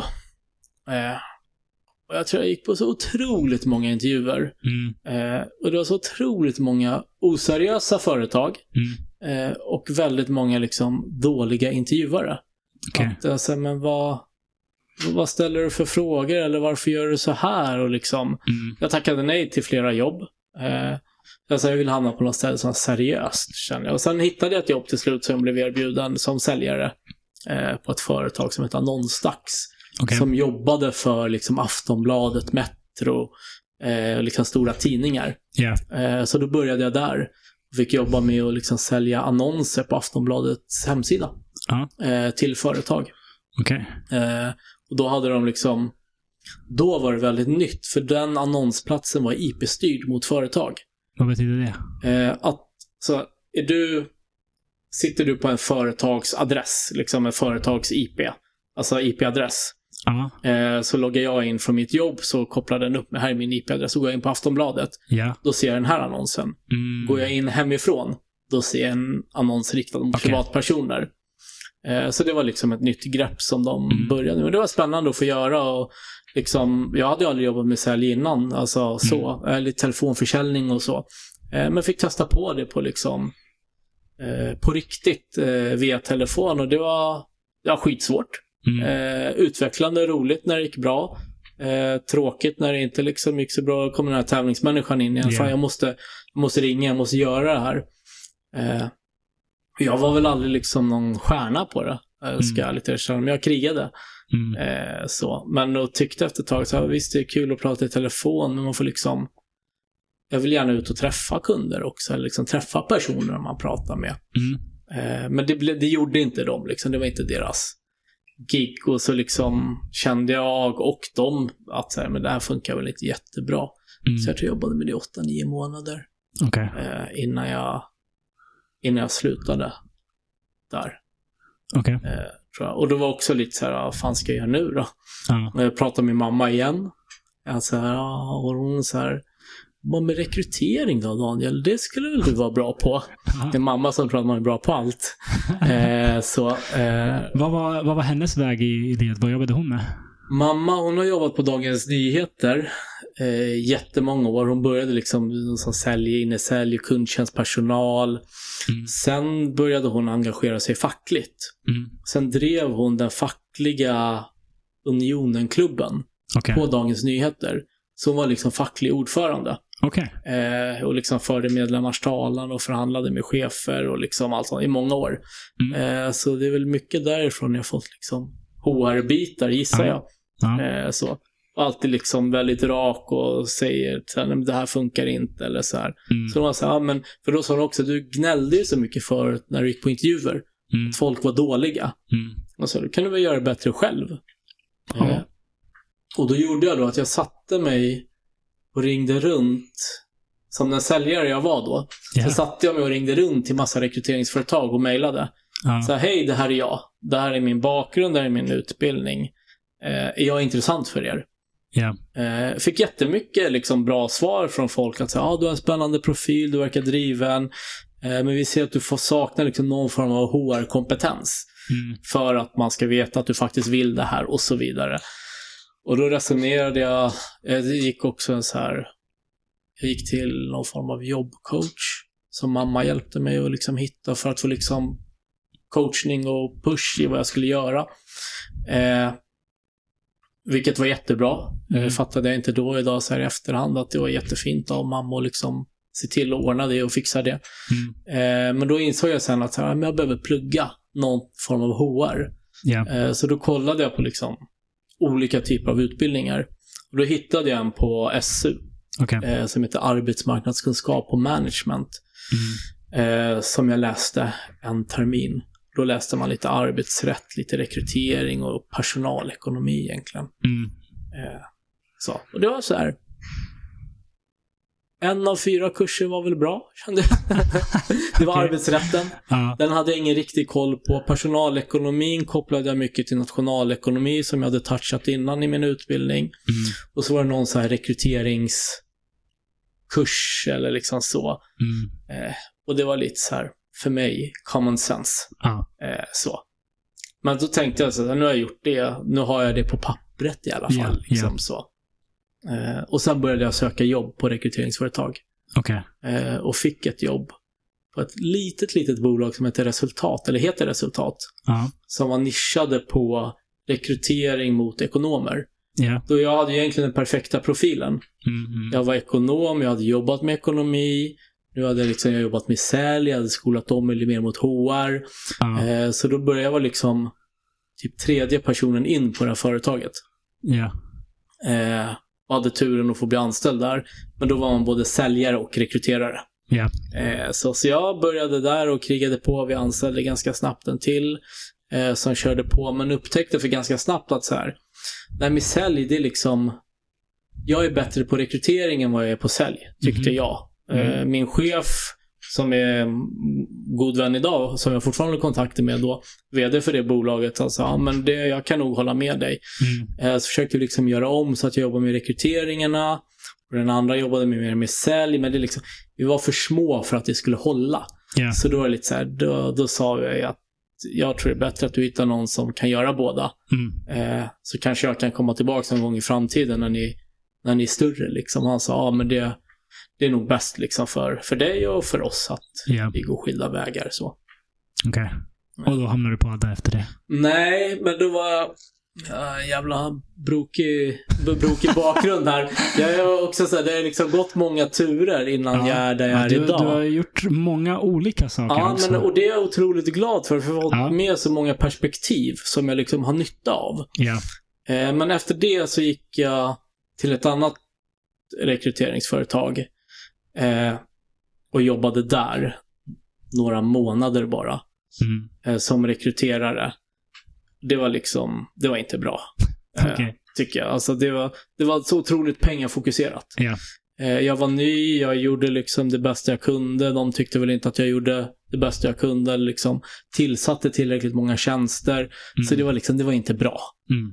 Eh, och det var liksom, om jag backar bak idag när jag blivit liksom förstår mer liksom mina egna värderingar, vad jag tycker är viktigt och liksom kring en arbetsplats och arbetskultur så det lirade inte. Ja. Eh, alls faktiskt. Mm. Eh, så. så det var, så det blev en kort session. Och sen så fick jag ett konsultuppdrag på Adda, Okej. som då hette SKL Commentus, Okej. eh, som rekryterare. Jag skulle täcka glappet mellan två HR-ansvariga. Mm. Eh, och då tänkte jag, det var kul att pröva att jobba in-house istället Mm. för på en rekryteringsbyrå och jobba in-house. Så då började jag där och tyckte det var soft och gjorde det liksom i två månader var uppdraget, två, tre månader. Ja. Eh, och gjorde det och gjorde det liksom bra. Eh, så. Eh, sen hade jag fått, skaffat ett nytt jobb efter det, för det var ett konsultuppdrag på tre månader på en annan rekryteringsbyrå som heter Dedicare. Som jag började på och tyckte det var skitkul. Mm. Eh, och trivdes jättebra där. Eh, men jag hade jobbat där tre månader så ringde hon som var ekonomi och HR-chef på Adda, eller SKL Commentus som det hette då. Och sa Daniel, vill du komma tillbaka?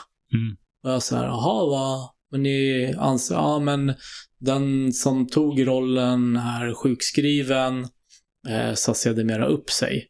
Eh, så de stod liksom utan, utan HR. Ja. Eh, och jag så här, ja vi, vi kan väl prata om det. Mm. Och så snackade vi och jag så här, ja fan det här låter ju spännande och kul. Hon bara, ja, men jag tycker du har gjort ett bra jobb och så här. Och jag kände, det känns lite läskigt. För jag säger, ja visst jag kan rekrytering. Mm. Det är liksom det jag jobbat med inom HR ungefär. Jag är lite employer branding och så. Men nu skulle jag liksom ta allt. Ja. Tutti. Och jag så här, jag kan inte. Jag kan det här. Mm. Men hon var så här, äh, du lär dig. Mm. Och jag så här, ja, jag kan ju inte tacka nej. Mm. Eh, då är jag dum i huvudet. Eller det är klart man kan tacka nej. Men då Mm. kommer den här, alltså, den här möjligheten är otrolig. Man Eh. behöver ta den. Ja, jag behöver ta den och funkar det inte så funkar det inte. Ja. Eh, Så då hoppade jag på och satsade att så här, men nu ska jag lära mig och liksom fick ju, alltså jag kommer ihåg i början och bara, nu ska vi göra löner. Ja. Liksom, jag brukar säga det idag till, till mig själv och liksom chefer runt omkring mina medarbetare. Det viktigaste vi gör, det är löner. Är det så? Ja, men tänk dig själv, om du är på en arbetsplats och du inte får din lön, Då blir man lite sur. då blir man ganska arg. Ja. Är det något fel på din lön, då blir du också ganska arg. Ja. Så jag säger, okej, jag ska göra löner. Hur gör jag? Ja. Ja, men vi har en lönebyrå. Ja, men vad behöver de då? Så jag ringde lönebyrån. Hej, ni får hjälpa mig liksom. Ja. De kom till mig, vi hade ett möte och liksom började. Och jag gjorde så med så många grejer som jag inte kunde någonting om. Att så här, jag behöver lära mig. Mm. Och satte mig in och liksom läste för att lära mig. Mm. Och sen har jag jobbat upp det liksom allt eftersom och lärt mig det här första året. Jag lärde mig så otroligt mycket Mm. Mm. på det året. Mer än liksom all, allt plugg jag har gjort. Eh, I så många grejer, vilket var otroligt givande. Mm. Och extremt utvecklande. Det var väl där någonstans jag tänkte att så här, fan, nu har jag hittat någonting som jag dels tycker är väldigt kul, Ja. men något som jag också är bra på. Mm. Ja, man fick liksom uppskattning och folk sa att du gör ett bra jobb och så här. Mm. Och då kände jag så här, här får jag faktiskt nytta och utveckling för hela min potential. Mm. Eh, vilket jag inte riktigt hade känt någonstans innan. Det var alltid liksom någonting som skavde lite, någonting som inte riktigt var kul. ja. Eh, så det var skitkul och liksom väldigt utvecklande. Så där har jag varit åtta år nu. Mm. Härligt. Eh, så det är också så här jättelänge känns det som. Ja. Men jag har fått utveckla så otroligt mycket. Jag har haft en fantastisk chef eh, som har också hjälpt mig att Ja. utveckla. Så vi har vuxit mycket. När jag började var vi 70 medarbetare. Ja. Idag är vi snart 200. Hur, hur är du 39 år alltså efter den här berättelsen du precis drog? Det låter som att du är 65 eller någonting. Ja, man kan tro det. Men många liksom, de här rekryteringsbyråerna och så, de, det var ju Korta bara några visiter. månader Mm. liksom emellanåt så. En fråga. Du, du, du nämnde i början att du var inspirerad av pappa och ville hålla på med business. Mm. Och du pluggade entreprenörsprogram. Eh. Ja. Hur kommer det sig att det aldrig blev något på det spåret, att starta något eget? Jag har tänkt på det många gånger.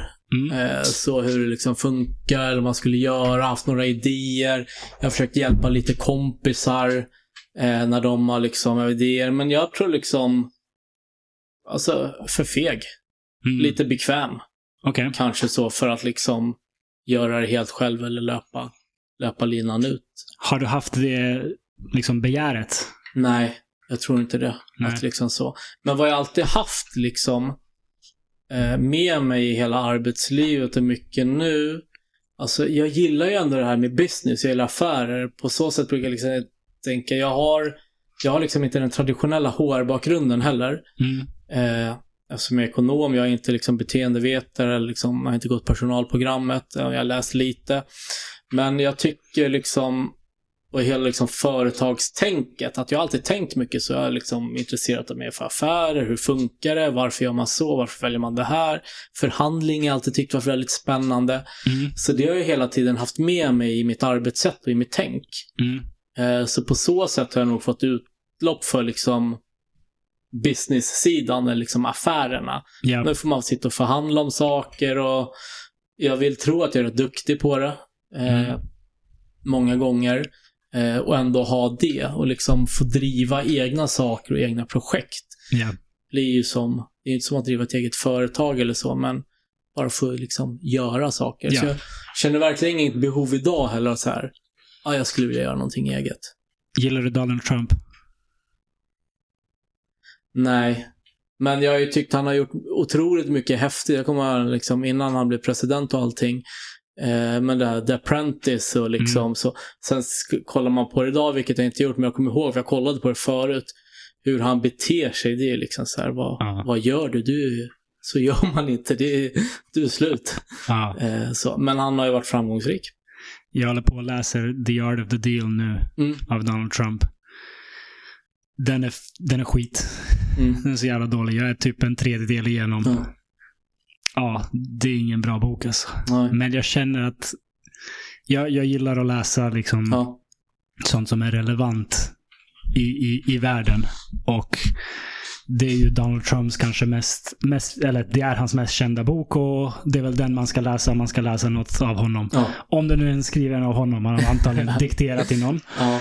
Ehm, så jag känner att man måste, man måste göra det. Mm. Och jag är bara glad att den är ganska kort. Så att jag snart är klar med den. Du tror inte att du liksom kommer ta några takes från den? Nu har jag ju bara tagit mig igenom en tredjedel, så det, det finns fortfarande hopp. Men än så länge, alltså det, det, han bara babblar på om, om olika deals han har gjort och hur mycket han gillar deals. Och är Han berättar om sina Ja. affärer liksom. Ja, typ. Mm. Och hur liksom han utmanövrerar andra. Det, det, det är precis vad man tänker sig Ja. att det ska vara Han beskriver sina egna härskartekniker på olika Lite sätt. så. Ja. Lite så. Ehm, hela liksom första typ jag vet inte hur många sidor jag läser på en Kindle, så första typ så här 15 procenten Mm. av boken är hans kalender. Eller så här en, en beskrivning av en vecka för honom. och det, det är så långt Ja. och det är så här jag hade middag med, och så är det namn, du vet. Ja, helt irrelevant. Som man har, jag har ingen aning om vilka de här människorna är. Men det är så här, måndag klockan 8.30, Mm. möte med den här snubben från det här kontoret om det här. Jätte liksom, och, och så nio telefonsamtal med den här snubben.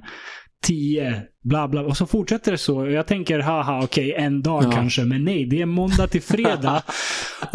och det, det är om och om igen namn som Ja. jag antar betyder något för folk som kan den branschen Mm. och sådär. Men det är så här, va, varför läser jag det här? Jag, jag, ibland undrar jag, men jag, jag typ tvingar mig igenom vissa saker bara för att jag känner att Men det- avslutar du inte en bok om du inte tycker att den liksom är vettigt? Du säger så här, nu har jag börjat så nu läser jag klart den eller? För det mesta läser jag klart. Mm. Det har hänt att jag har övergett vissa böcker. Men eh, för det mesta läser jag klart. Speciellt sånt här där det är...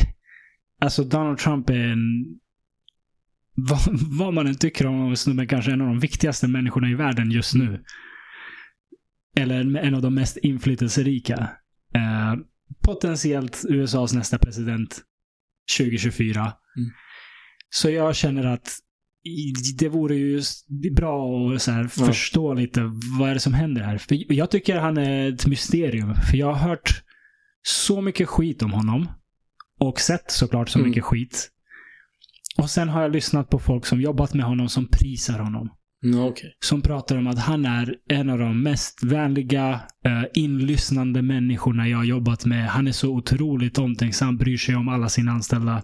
Jag har hört så olika bilder av honom. Mm. Och då gillar jag att ta reda på Ja. det själv. Lä, Ja. Läs någonting han har skrivit. Se vad det är. Och eh, än så länge är det bara skit. Ja. Ja. ja, det vore häftigt att få typ käka en middag med honom och prata med honom. Skulle jag kunna få honom till den här podden? Alltså. Jävlar vad jag hade nappat på det. ja. Men det känns som att det hade varit svårt att eh, få en syl i vädret med honom. Att, ja, Ja. men också typ om man skulle vara med i en podd eller liknande och ha ett genuint samtal med honom. ja, Alltså så, det vore då, dunder. då skulle det nog vara mer tillrättalagt och han vet vad han ska säga och så vidare. Det är ju det. det. Han känns som en person som det inte är lätt att komma och ha ett genuint samtal Ja. med. Exakt. Ja. Därav en middag liksom utan Ja, bara få snacka lite så här. det är rätt i. Vem är du egentligen och vad, varför? V- Vem hade du helst velat sitta och ha ett genuint samtal med? Du får välja vem som helst i världen. Död eller levande? Både och. Ja, men Donald Trump skulle ju vara intressant att höra. Barack Obama skulle också vara spännande att prata med. Mm. Sen är jag också så, jag är så stor Zlatan-fan. Ja. Alltid varit. Ja. Så jag vet inte, jag, jag hade nog velat prata med Zlatan ändå. ja. Det, det känns närmare till hands än Trump och Obama Ja. i alla fall.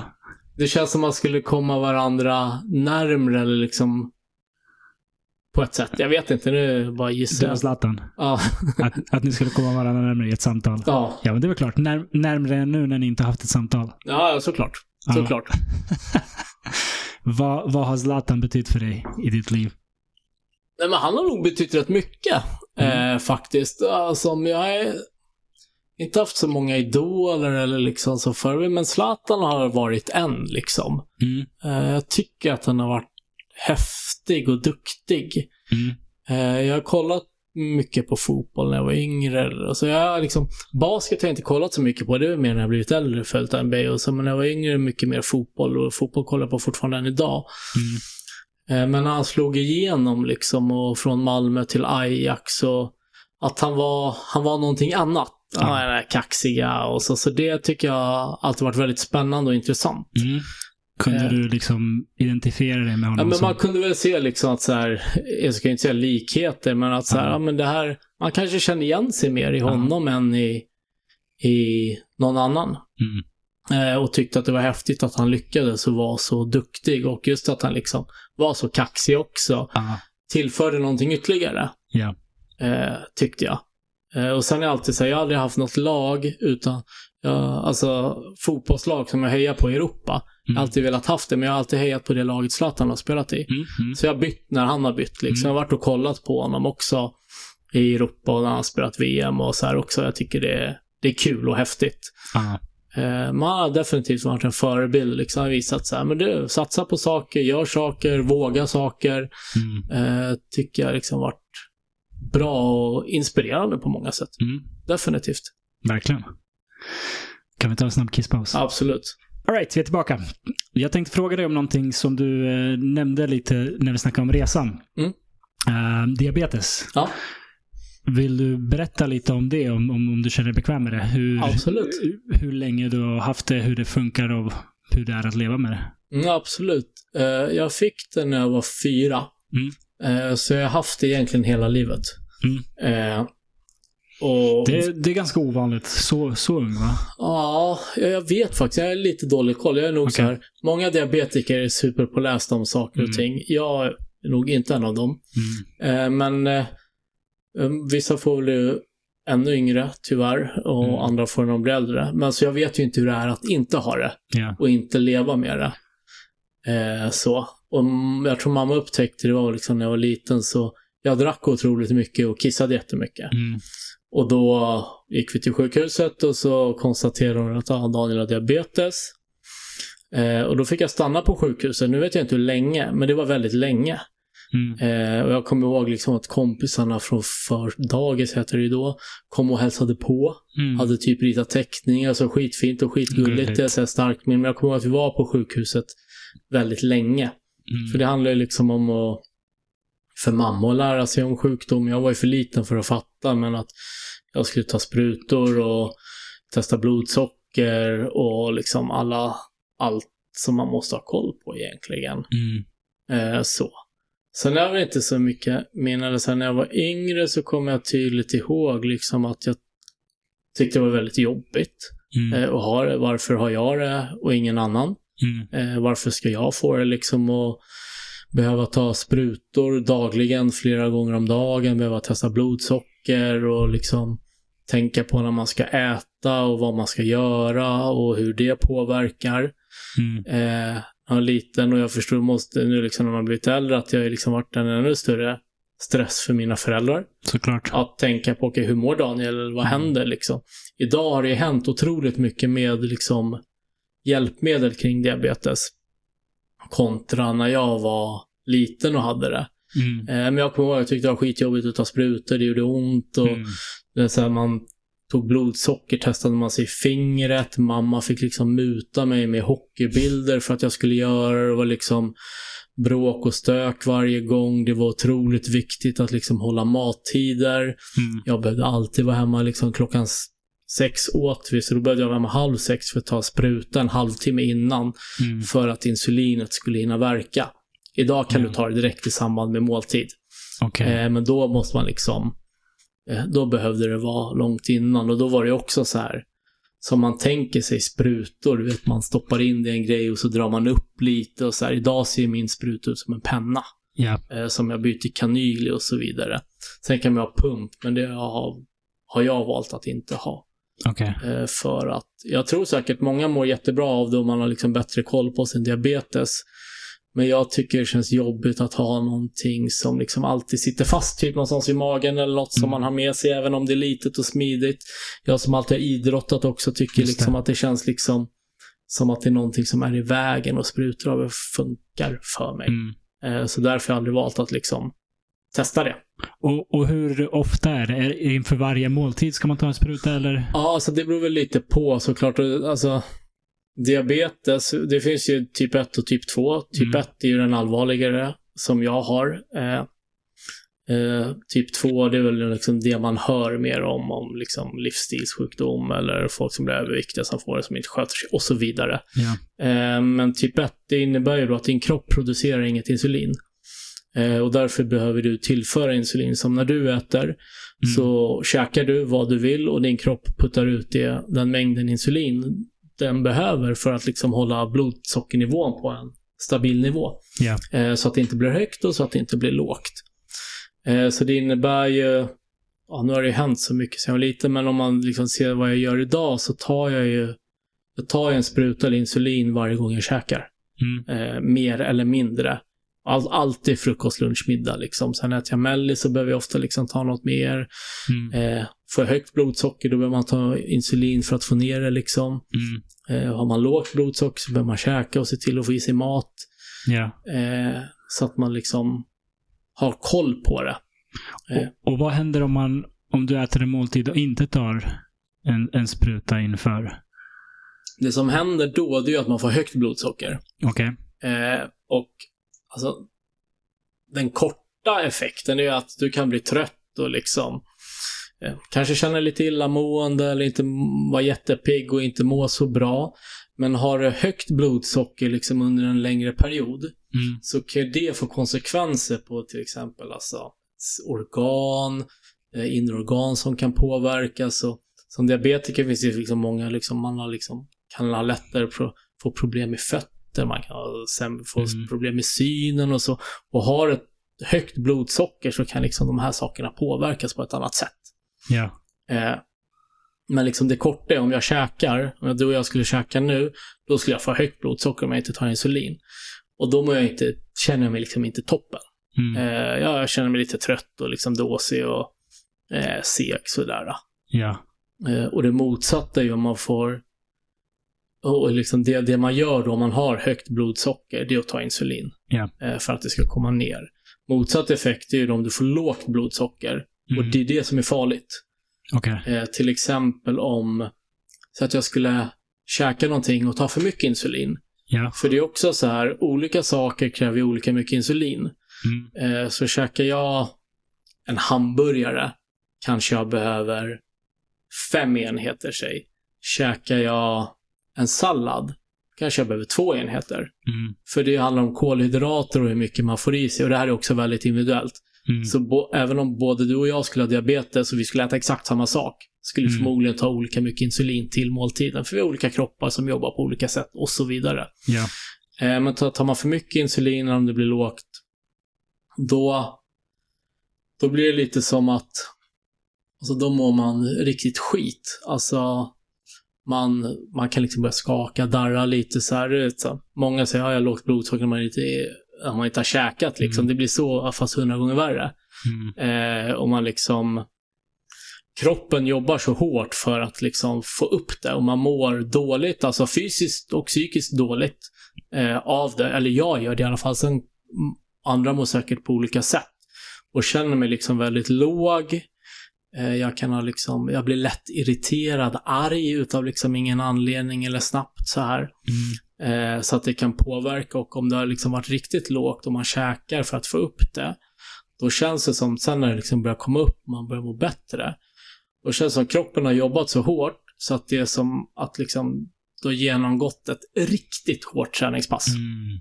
Eh, så du känner liksom matt. Ja, jag jag kan liksom gärna lägga mig och sova Mm. eh, efter för att man mår så dåligt av det. Mm. Eh, och det är farligt, för gör man ingenting åt det när det blir lågt, då kan man till slut hamna i insulinkoma. Mm. Eh, så att du liksom svimmar. Okej. Eh, och gör man ingenting då, händer någonting, ja då kan du dö till slut. Liksom. Mm. Har du svimmat av någon gång av det? Alltså inte som jag minns. Jag tror mamma har sagt att jag gjorde det någon gång när jag var liten. Jag har en gång i vuxen ålder, när jag liksom inte vaknade på väldigt många timmar. Alltså, jag skulle upp, det var när jag pluggade på högskolan. Eh, jag skulle upp på morgonen, jag hade sett klockan, vi skulle ses och liksom göra ett grupparbete. Eh, men jag vaknade inte och till slut vaknade jag av att liksom min telefon ringer. Så att vi ska ses vid 11, klockan var halv tre. Mm. Liksom. Eh, och jag hade sovit. Eh, och liksom min kompis som ringde mig pratade och jag lät nog liksom förvirrad. Mm. Och han, var- han, var, han var så bright, eller han visste att jag hade, han bara då sa han till mig, Daniel gå och ät. Så ringer du mig sen. Eh, och då gick jag väl typ och försökte käka någonting och så här. Men jag hade liksom noll koll på vad som hade hänt Från- från det att jag hade gått och lagt mig tills att jag vaknade då. Och jag hade tydligen också så här, för några kompisar, Daniel du skickade så här konstiga sms till mig. Oj. Eh, så då hade jag gjort det. Liksom, då var jag liksom icke medvetande på något sätt. Så det var skitläskigt. Fy fan. Eh, så då gick jag upp och käkade och sen började jag liksom må bättre. Så vad hade hänt? Då hade du kanske inte käkat tillräckligt kvällen innan eller någonting? Ja, någonting. Mm. Fy fan, och då kan man till och med få minnesförlust och, och smsa utan att komma ihåg. Ja, ja, men precis att liksom göra saker som, ja, var inte, med, var inte medveten. Liksom noll minne av det. Shit vad läskigt. Ja, skitläskigt. Så, så det är ju det, alltså man så här, med diabetes så behöver du liksom konstant tänka på det. Mm. Eh, du tar så många beslut varje dag Mm.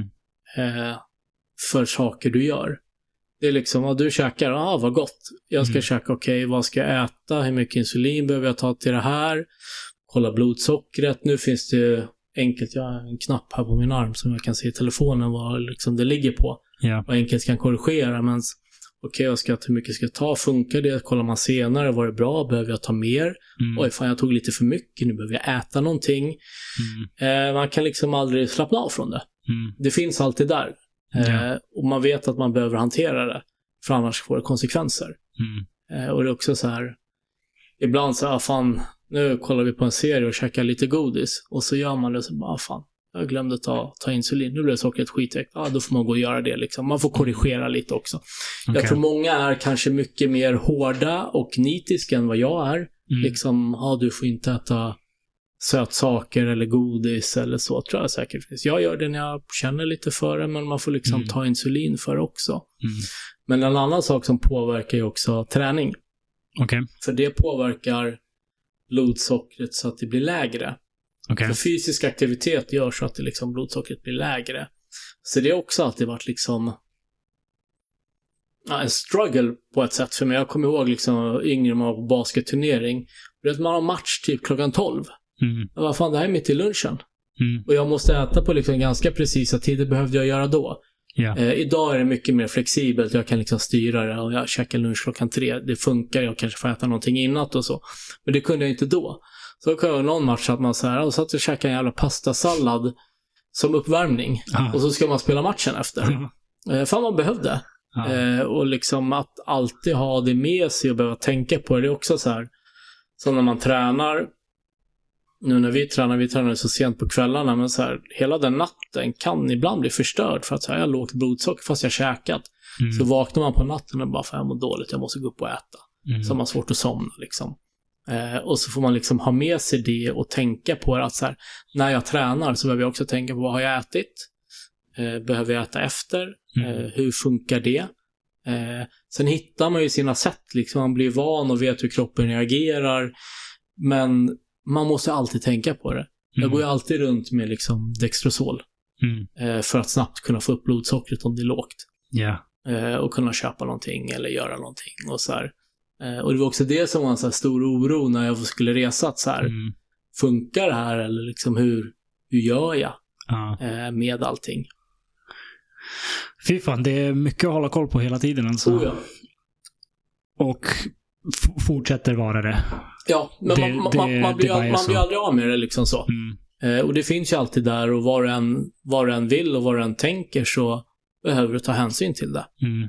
Eh, och hantera det framförallt. Mm. För hanterar du inte och skiter i ja, det då, då blir det dåligt liksom. Då blir det Mm. illa. Eh, och kan liksom bli riktigt illa om man skiter i det totalt liksom. Hur tror du det här har format dig som person?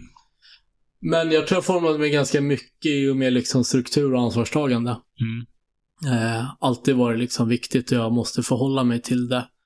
Eh, att ha koll på saker. Alltså, när jag blev yngre så kallade några kompisar mig Skalman liksom.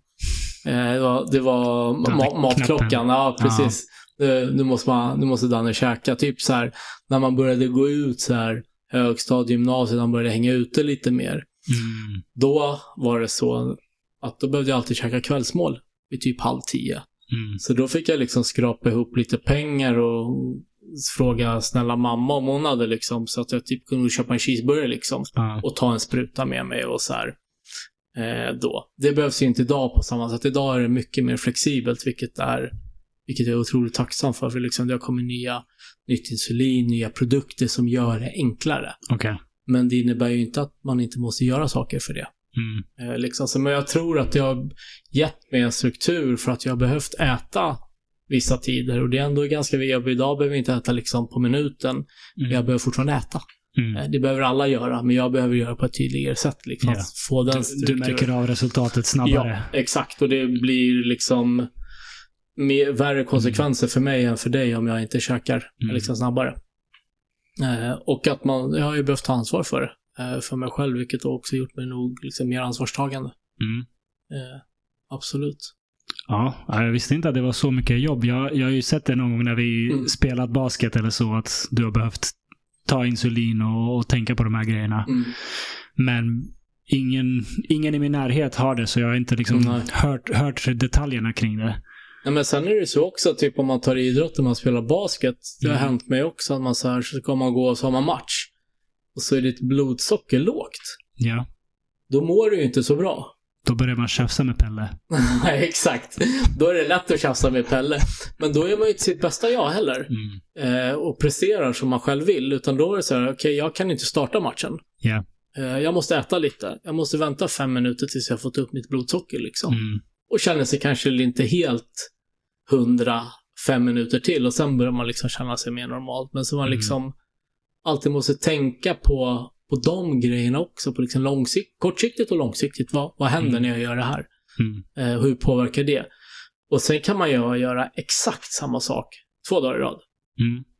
Och se om man skulle äta samma sak och ta lika mycket insulin och så, men få olika resultat. Mm. Okej. Eh, Så det finns liksom ingen självklarhet i det heller.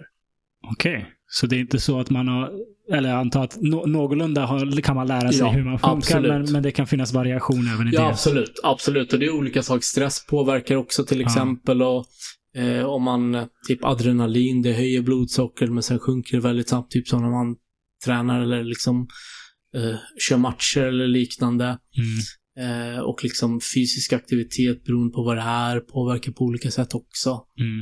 Eh, så, så, så det är olika. Mm. Eh, Ja, jag förstår. Datinglivet. Var det här en sån här jobbig grej? ja, men när jag var yngre så har jag alltid liksom... Jag har alltid tyckt att det varit lite jobbigt med diabetes och liksom... Nästan man på olika sätt skämts lite för att "Hör, nu måste Mm. jag ta en spruta. Eh, idag tar, man kan ta en spruta i benen, liksom låren, magen eller typ ovanför rumpan ish. Mm. Eh, Var det din favoritspot? ja, men jag tar i magen och benen. Okej. Eh, det är bra att försöka sprida ut det så mycket som möjligt för att du Mm. inte ska ta på samma ställe hela tiden. Ja. Eh, men när jag var yngre då kunde man till exempel inte ta i magen. Det kom senare, så här, nu kan man ta i magen typ. Okej.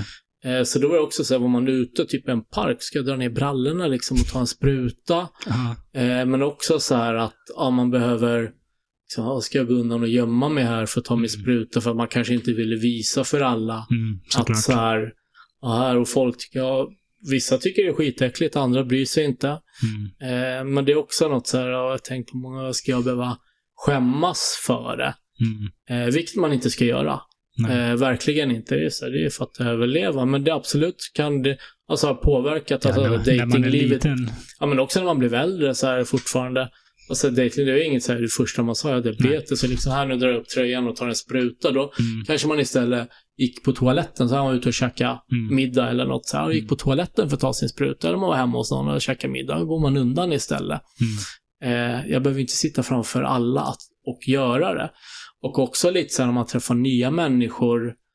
Eh, att så här, om man är ute och käkar en lunch till exempel. Och ska jag sitta här och dra upp tröjan, eh, visa min håriga mage. Mm. Eller liksom glider man undan på toa. Så det är lite olika. Jag är fortfarande nog inte liksom helt bekväm med det alla gånger. Mm. Även fast det inte är något konstigt. Mm. Och jag vet det. Och ibland kanske någon frågar. Alltså, "Ja, har du diabetes? Ja, det har jag. Mm. Ja, okej, hur är det? Säger de liksom. Alltså. Ja. Eh, men absolut att det liksom påverkat och... Mm, förstår det. Um, var du spruträdd? När du var liten? Nej, det har inte varit. Skönt. Eh, Det är otroligt skönt. Men jag gillade inte att ta sprutor liksom, när jag var liten. Så. ingen gillar det, men det Nej. finns ju folk som, är, som svimmar Ja, så fort de ser en precis. spruta. Det är, Ja. Alltså det får man vara tacksam för. det är en livsfarlig Ja. kombo. Ja, man är nog bara så illa tvungen att vänja sig om man skulle varit det. Ja. Om du skulle åka tillbaka till eh, lilla dig, Mm. eller om du skulle prata med någon liksom, liten grabb eller, eller flicka som, som har det här. Mm. Vad hade du gett för råd? Med, med den kunskap du har idag. Nej, men dels att man liksom inte ska skämmas för det på något sätt. Mm. Eh, utan att det är så här... Alltså också viktigt att ens omgivning vet om det. För Mm. händer det någonting måste någon annan kunna hjälpa dig. Just det. Eh, det är superviktigt. Mm. Eh, och att man liksom, att bara för att man har diabetes betyder inte att man kan gö- inte kan göra vissa saker. Mm. Man behöver anpassa sig lite, men det är fullt möjligt att liksom göra saker eller, alltså som jag gjorde som reste, eller om man vill satsa på liksom bli professionell inom någon idrott eller liknande. alla förutsättningar. Man behöver tänka lite annorlunda. Ja. Men det är fullt möjligt, så att liksom inte låta, som jag sa innan, diabetesen styra dig, utan att du styr den i det du vill göra. Mm. Eh, Jag kommer ihåg när jag var liten, då hade jag en förebild, apropå förebild som vi pratade innan om Zlatan, men Per Zetterberg, en gammal fotbollsspelare. Okej. Eh, han spelade i Anderlecht och var med i Svenskarna. Han hade diabetes. Och det tyckte jag var häftigt att se någon liksom, Mm. i, så jag som gillade fotboll och idrott, att se någon som, som hade det. Inte Mm. för att det syntes, men han berättade om dem. Man fick någon sån här diabetestidning någon gång ibland och det var något reportage och det var bra. Mm. Och det tycker jag egentligen behöver finnas fler förebilder inom. Det är lite dåligt. Mm. Eh, det finns ju många som har det liksom. Eh, men det finns liksom lite för dåliga förebilder inom det, Mm. eh, kanske. Vad kan det bero på? Jag vet faktiskt. Kanske att folk inte vill berätta eller att man inte tänker på att andra behöver se att liksom man... Så jag, jag tänker mycket på idrott liksom eftersom det ligger mig varmt om hjärtat och nära att se Mm. att så här, det funkar. Det går Eh, att göra. Det går Mm. att göra. Eh, trots att man har diabetes eller Mm. fast man har diabetes liksom. Så funkar det att vara professionell fotbollsspelare eller basketspelare eller liksom Mm. eh, vad man nu gör. Mm. Så, så det är liksom att inte låta det påverka, men sen ska man alltid vara medveten om att man behöver ta hand om vissa saker och liksom lära sig. Eh, så att inte vara rädd för det. Mm. Det är nog otroligt viktigt och verkligen, verkligen inte skämmas för det. Mm. Mm. Ja. Svårt, svårt när man är liten, men eh, ändå, ändå viktigt att försöka komma dit. Ja, ja, men verkligen. Verkligen. Mm. Ja, tack för att du delade med dig. Det, Ja, det- är intressant att höra. Ja, nej, men jag hoppas bara, alltså, så här, kan, kan någon annan bli hjälpt av det så är det ju superbra. Verkligen. Eh, och liksom hitta det, för det, ja, det är svårt. Det är skitsvårt. Ja. Eh, så. Jag har inte haft någon att liksom bolla med Mm. när jag, eller det är mamma, eh, Ja. som har liksom kunnat mycket och liksom lärt mig och Ja. så här. Men också för saker och ting har förändrats så mycket. Från när jag var liten och fick diabetes så fanns det liksom då skulle man göra så här och idag ser man att man ska på ett helt annat sätt. Så mamma säger, men då är det så där kan du inte göra. Mamma, nu har det ändrats. Ja, okej, det, är- det är bra liksom. Du, du, du hänger med. Sen är jag en kompis, nära vän, som har diabetes också. Men han fick det när han typ var 22 eller något sånt. Okej. Eh, Så man kan fråga lite. Det finns ändå så här, träffar man någon annan med diabetes, Mm. då har man en liten gemenskap Såklart. utan att liksom säga det och så här, bara, Mm. bara för att. Mm. Men det, men det är viktigt. Det är så många som har det. Ja. Eh, Och det är en komplicerad sjukdom på många sätt. Mm. Mm. Det låter som det. Mm. Ja, nej men verkligen. Mycket jobb. Ja, ja, oh ja. Ja. Oh ja, och det är alltid liksom tänka på nu ska jag ha med mig Ska jag ha med mig det här? Eh, Mm. vad behöver jag när jag går? Så här, på sommaren när man reser, vad- hur mycket, hur mycket kommer det gå åt? Ja. Vad behöver jag extra ifall något skulle paja? Ja. Eh, ha med mig och liksom, oj shit nu insulinet slut, måste man hämta det på apoteket. Oj nu är hjälpmedlen slut, nu måste jag se till att beställa det. Eh, så det är liksom, det är så många delar hela tiden. Mm. Men det, går, det funkar ju. Ja. Eh, så. De flesta liksom som jag känner så här, men det märks inte. Mm. Eh, och det är väl bra det. Nej men verkligen. Det är, som sagt, jag har ju sett dig någon gång Mm. behöva ta insulin. Men utöver det så är det ju inget som någonsin märkts eller som jag har tänkt på. Nej men precis. All right. Hur är din persiska? Dålig. Dålig? Ja. Okej. Alltså, hej hur mår du? Typ. Alltså, jag förstår ganska bra. Eh, Ja. Skulle jag vilja påstå. Eh, men jag pratar, pratar inte bra. Du Taran. jag älskar Dan- det, jag Daniel älskar det Jan. också. Okej, okej. Du har inte varit i Iran mycket, eller? Nej, aldrig. Aldrig? Aldrig. Mm. eh, har jag inte varit. Jag var på väg för ett par år sedan att åka dit Okej. med min lillebror för att pappa skulle flytta dit. Ja. Eh, och, eller pappa bodde där under ett år, ett halvår eller något. Skulle vi åka och hälsa på.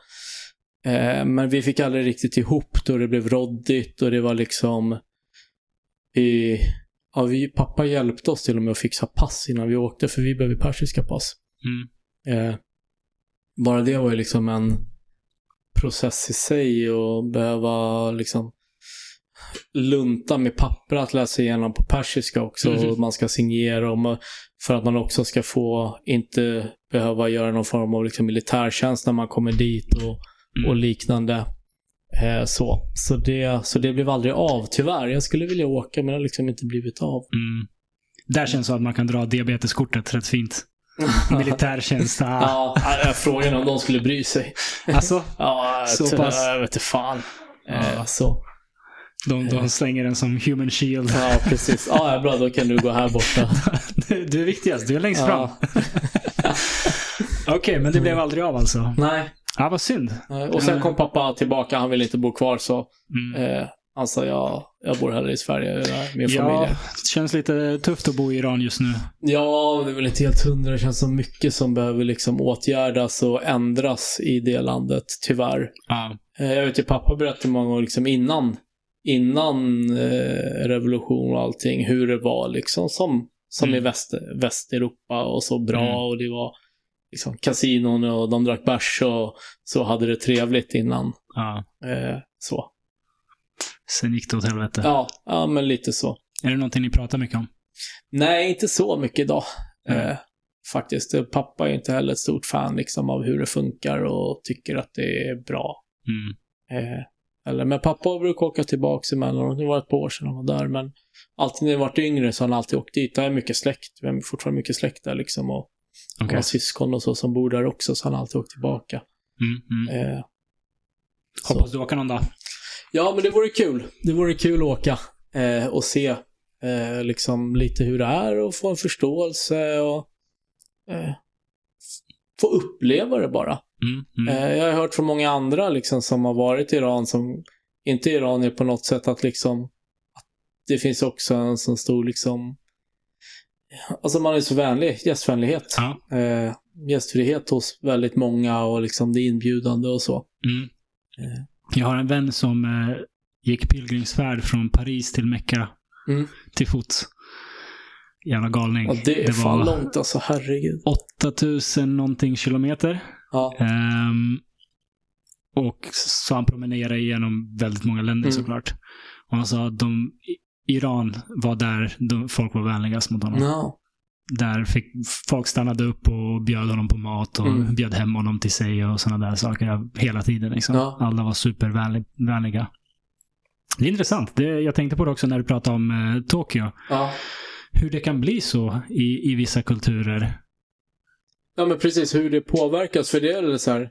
Nu har jag pappa och hela hans släkt och liksom umgänge om hur man liksom agerar. Men alla är alltid liksom, och det tycker jag är fint, det är något jag har fått med mig som jag värderar högt, det är liksom familjen. Mm. Eh, hur man umgås och vad man gör och liksom att man ses och träffas och liksom hjälper till och hjälps åt och eh, jag vet mamma och pappa alltid så här, ja men bjud hit era kompisar, ta hit dem och äter vi så äter allihop och det är inget så här, du får vänta på rummet. Mhm. Så när man var hemma hos andra kompisar som så många andra liksom Ja, uppväxt. Ja, nu är det mat, men Daniel du kan vänta på rummet. katastrof. Eh, ja, jag förstår inte det här. Eh, och så sa mamma och pappa alltid, liksom, även fast vi aldrig haft det fett. Man sa, ja men det finns alltid mat. Ja. Eh, ni kan alltid komma. Eh, kan alltid göra.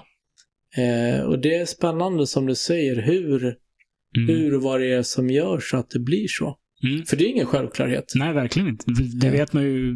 Det är ju helt annorlunda i, i andra länder. Ja, ja, verkligen. Jag tycker det är så intressant att en kultur kan bli så att det blir sånt fokus på den typen av vänlig, gästvänlighet. Men jag tänker att det kanske också är så här, att det handlar mycket om gemenskap. Att man ska umgås Mm. och liksom vara med varandra på ett sätt. Men det borde väl alla kulturer värdera, kan man tycka. Ja, det kan man tycka. så, men jag, jag, jag kommer ihåg, jag kommer inte ihåg vem det var som jag pratade med, det här var många år sedan. Men när man liksom pratade om relationer till föräldrar och hur Mm. det funkade och vad man gör. Eh, så jag, jag har en jättefin relation till mina föräldrar och, och när och vi pratar ofta. Mm. Eh, typ dagligen liksom. Mm. Eh, nu, nu ska, jag- sen jag fått barn har det blivit inte lika ofta, men det är också för att barnen tar tid, men man Såklart. ringer och pratar med barnen. Men det är liksom flera gånger i veckan. Mm. Eh, så. Och så var det någon som sa i det här liksom samtalet, så, va? Hur kan du prata med dina föräldrar så Mm. ofta? Vad har ni att prata? Så här, oftast är det inte så mycket. Vad gör du? Hur mår du? Mm. Är allt bra? Okej, tack, hej. Höras liksom. Eh, liksom veta, bara stämma av. Men så, så jag bara, hur ofta pratar du med dina föräldrar? Ja, någon gång i månaden kanske. Mm. Och det var för mig så här, varför? Ja. Eh, Varför? Älskar du dem Ja, inte? men bryr du dig inte liksom? Eller så här. Ja, det var så, så stor skillnad från liksom hur jag är uppväxt, hur jag Ja. tänker. Ja. Eh, och det, det handlar väl alltså om ens uppväxt. Hur man blir. Säg om man växer upp i Japan eller Mm. Iran eller andra länder, liksom, att där får man det med sig kanske. Att det här är viktigt. Mm. Eh, så här gör vi. Mm. Eh, men frågan är hur, hur det blir så. Ja, det är intressant. Ja. Jag antar att liksom regionens religion påverkar. Mm. Mm, och historia och en massa faktorer säkert. Ja, men såklart. Men det var också ju så här, den kulturen man har. Mm. Eh, ta bara det som liksom, nu vet jag inte, nu hoppas jag inte att det är så i Sverige längre att folk inte blir bjudna på middag och blir ombedda och vänta i rummet. Det händer Barn, säkert liksom. fortfarande. Ja, men liksom, på, och det är väl liksom, har varit svenskt eller så här. Ja, Det hade, alltså i många andra länder hade ju det aldrig hänt. oacceptabelt. Ja, ja, men det är så här, är du gäst så ät med oss eller liksom. Ja, Då är det ju snarare så att okej, då avstår jag mat. ja För att du, din kompis ska kunna äta. exakt. Eh, då får jag ta en macka eller någonting sen. Ja. Eh, men att man i, i Sverige då, då att så här, nej men. Om man lärt sig att så här, nu äter vi middag, då är det familjen som äter bara Ja. kanske eller något sånt där. Det, det, det är ont i hjärtat att Ja, tänka det, på. det, det är Hur så man kan säga till ett barn, gå och sätt dig Ja. i, i, i rummet medan vi äter. Ja, men ja, ja, ja, verkligen. Ja. Eh, Och också, eller så här, kanske man är inte lika inbjudande. Alltså så här, men det är väl också vad man kollar på kultur, det är så här, hälsar du på någon på tunnelbanan så Mm. du, du, knäppis. du är en weirdo liksom. Ja. Det är sällan folk sitter bredvid varandra. Ja. Det ska gärna, nu är jag ännu mer efter pandemin, att så här, ha ett sätt emellan eller så. Man är ju Ja. lite själv så många gånger. Ja. Jag går ja, igenom- gud, ja. Man blir ju, man blir ju som vi, sin är- omgivning. ja, precis. Vi är uppvuxna här och liksom lä- lärt Ja. oss. Man, man vill inte vara den som sticker ut liksom. Nej, precis. Eller så här, hej hej, hur mår du? Eller så här, kanske. Ja. Ja, det, det är märkligt det där vad, vad som gör det Ja. eh, och hur. Jag hur det pluggade blir. i Australien Mm. en, en termin. Och där fanns en spårvagn som gick genom stan. Ehm, och jag märkte det någon gång när jag åkte spårvagn. Hur två främlingar, du vet, satte sig bredvid varandra. Hade ett samtal i några minuter. Mm. Och sen skulle den ena av dem av och sa ah, ha det bra. Mm. Och hur jag stod där och bara, va? Du vet, jag blev helt Ja. paff. Och jag blev verkligen så här förvånad över hur paff jag blev. Ja. Hur galet det här var för Mm. mig. Att två främlingar pratar med varandra Mm. på tåget. Det, det är inte bra.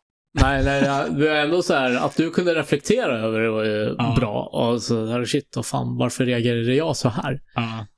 Men det är, det är ju synd att det är så. Att det, är- att det är så Att konstigt, är konstigt. att prata med en främling. Mm. Ja, verkligen. Tills man får, fått i sig lite dricka. Då, Ja, då är det inga Då problem. Då bra. pratar man med alla och går och Ja. skriker på perronger och liksom så här. eh, nej, men det är märkligt att det liksom... Jag vet inte om det är en form med liksom att man har så hög integritet. Så här, kom inte in i min personliga sfär.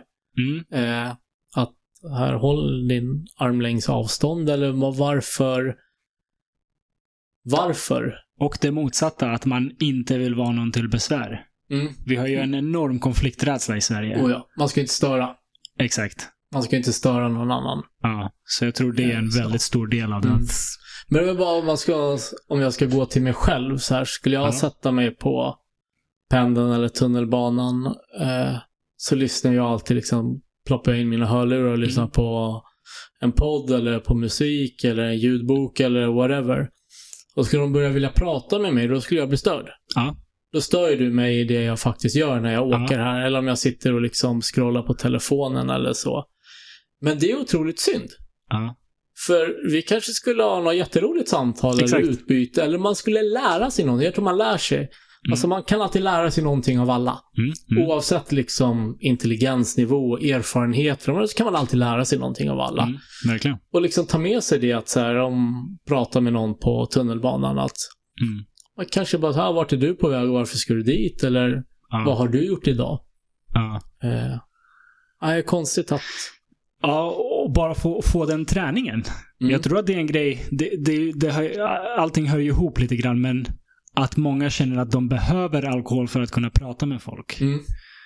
Det, det är såklart, hade man fått mer träning av det, att prata med främlingar, var det nu än må vara, tunnelbanan eller, eller var som helst, så skulle det inte vara en så stor grej att gå och Nej. prata med någon tjej man tycker är söt eller Nej. whatever. Liksom. Det, det, det finns så mycket som skulle vara bättre om vi var mer vänligt sinnade till främ, främlingar. Alltså, Mm. vad heter det? Utbyten med främlingar. Ja, men precis. och Att man inte tror att bara för att någon pratar med att de vill någonting illa eller Exakt. liksom... Eller att de vill någonting alls. Ja, ja, precis. Alltså att det, det känns ju som att det, Mm. man tänker att den här personen vill någonting av mig. Mm. Men det här också, eh, får jag, kom jag på att eh, Ja. när jag var yngre, apropå så här kulturskillnader och liknande. Pappa, Ja. eh, han pratade gärna med folk. Ja. På tunnelbanan, också så här, när man gick på affären, liksom på Ica. Han skulle pruta. Ja. Eh, apropå businessman liksom. Ja. Sa, kan jag inte få lite rabatt på det här? Eller liksom, Ja. Får jag två eh, istället för en? Och så här. Ibland gick det.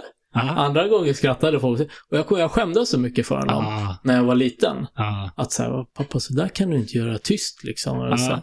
Och han sa, vad, vad är problemet? Det är bara hälsa. Jag hälsar på folk. Han kunde säga hej hej liksom. Vad trevligt.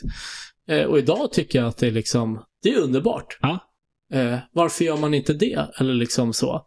Och han hade ju det med sig då. Mm. I Iran, när han växte upp, då gjorde man säkert så. Mm. Man hälsade på folk. Här hälsar du knappt på din granne liksom. Ja, gud ja. Man Eh. undviker dem. Ja, man, man kollar i nyckelhålet många så här, har de Ja. gått? Och sen går man ut liksom. Ja. Eller så här.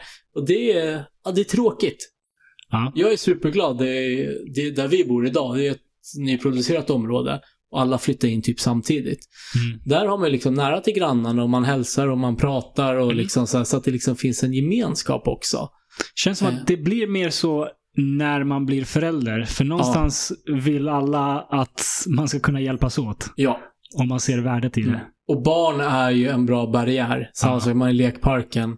Så Ja. hälsar man ju, de flesta gör det inte alla ska jag säga. Eh, om barn leker. Ja, hej hej, ja, vad heter, vad heter din, Ja. din son eller tjej? Och hur gammal är hon? Ja, vart går ni på föris? Ja, roligt och så. Ja. För man vill ju själv ha något utbyte kanske när man hänger i en lekpark också. Att så här, ha någon vuxen att prata med. Mm. Eh, så det är ju en barriär. Eh, barn, men inte, inte annars. ja, det är intressant. Mm. Ja.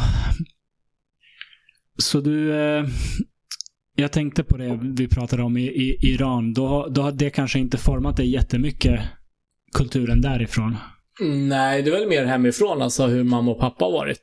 Mm. Eh, och liksom det är pappas del av det hela som jag skulle säga att mamma också har anammat och eh, fört vidare. Har mamma pratat något om hur hennes upplevelse av Iran var? Mm, Ja, en del när hon, liksom, när hon bodde där och när hon kom dit, hon kunde ju ingen persiska. Mm. Det var ingen som pratade engelska knappt. Så pappa fick ju liksom tolka och eh, översätta lite så här. Men sen lärde sig mamma persiska. Okej. Eh, så hon pratar flytande persiska. Idag Ah. har den väl blivit sämre, men hon pratar fortfarande. Eh, vilket är otroligt imponerande. Mm. Eh, för att hon också skulle liksom kunna anpassa sig och, Ja. eh, och göra saker och så.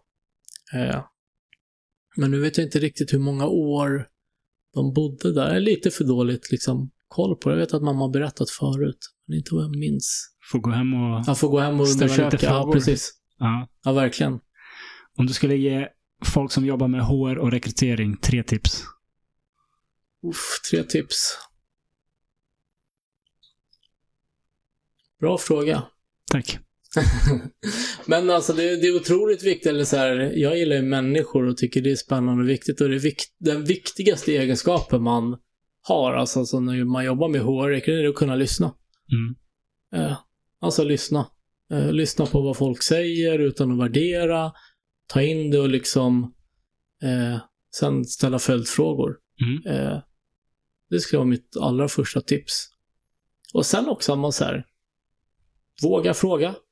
Mm. Eh, ställ frågor om du är osäker eller liksom kanske obekväma frågor ibland. Ifrågasätta lite, men varför tänker du så? Eller varför vill du göra på det sättet och så. Mm. Eh, det tycker jag man, man kan göra mer. Det är alltid bra att liksom få andra perspektiv. För Mm. ibland fattar man, du tänker så, ah, spännande. Det hade inte jag tänkt på. Så kan man liksom gå vidare med det. Eh, Så lyssna, våga ställa frågor. Våga ställa frågor och sen så jag tycker man också HR och rekrytering, det är lite olika. Så här, jobbar du med rekrytering så finns det så många saker som är viktiga vid intervjuer när du gör. HR är ju så mycket bredare också. Mm. Eh, liksom, men om man jobbar inom, inom det spektrat, rekrytering är en del av HR. Mm. Eh, men också alltså visa på värdet av det HR gör och kunna liksom omvandla det till vad innebär det för en affär eller vad innebär det i liksom pengar. Ja. Gör du en felrekrytering, hur mycket kostar det och varför? Mm. Mm. Eh, att ha det liksom lite affärstänket. Ja. Eh, inte bara inte bara människa, människa är superviktigt. Mm. Men också liksom affär och företag, vad innebär det? Mm. Eh, hur gör man och varför? Mm. Eh, och liksom veta vad man gör. Och alltså, då får man ju fråga andra i organisationen, ens liksom högre chefer, ledningsgrupper eller så. De behöver ta reda på saker. Ja. Eh, man måste ha kunskap. Så lyssna, ställ frågor och förstå vad en bra rekrytering kontra en dålig rekrytering betyder. Ja, men liksom förstå, förstå hur HR bidrar till affären. Mm. Ja. Ja, skulle jag säga. Bra grejer. Jag tänker att jag ställer den frågan så kan jag dela det här på LinkedIn och bara Daniels topp tre tips. Så får de lyssna igenom våra två och en halv timme Precis, och så, annan så, så, så kommer de såga mig. Så här, vad menar du nu? Där Nej kan man ju inte då. göra. Det tror jag inte. Det tror jag inte. Eh, stort tack för att du ville vara med Danne. Tack för att jag fick vara med. Det var Superkul. sk- skitkul att lära känna dig lite närmre. Det, Ja. Det, var, det var väldigt givande. Uppskattar att du tog dig tiden. Ja, det är det lilla. Tusen tack. All right. Tack så mycket och tack till dig som har lyssnat. Vi hörs nästa gång. Ha det fint.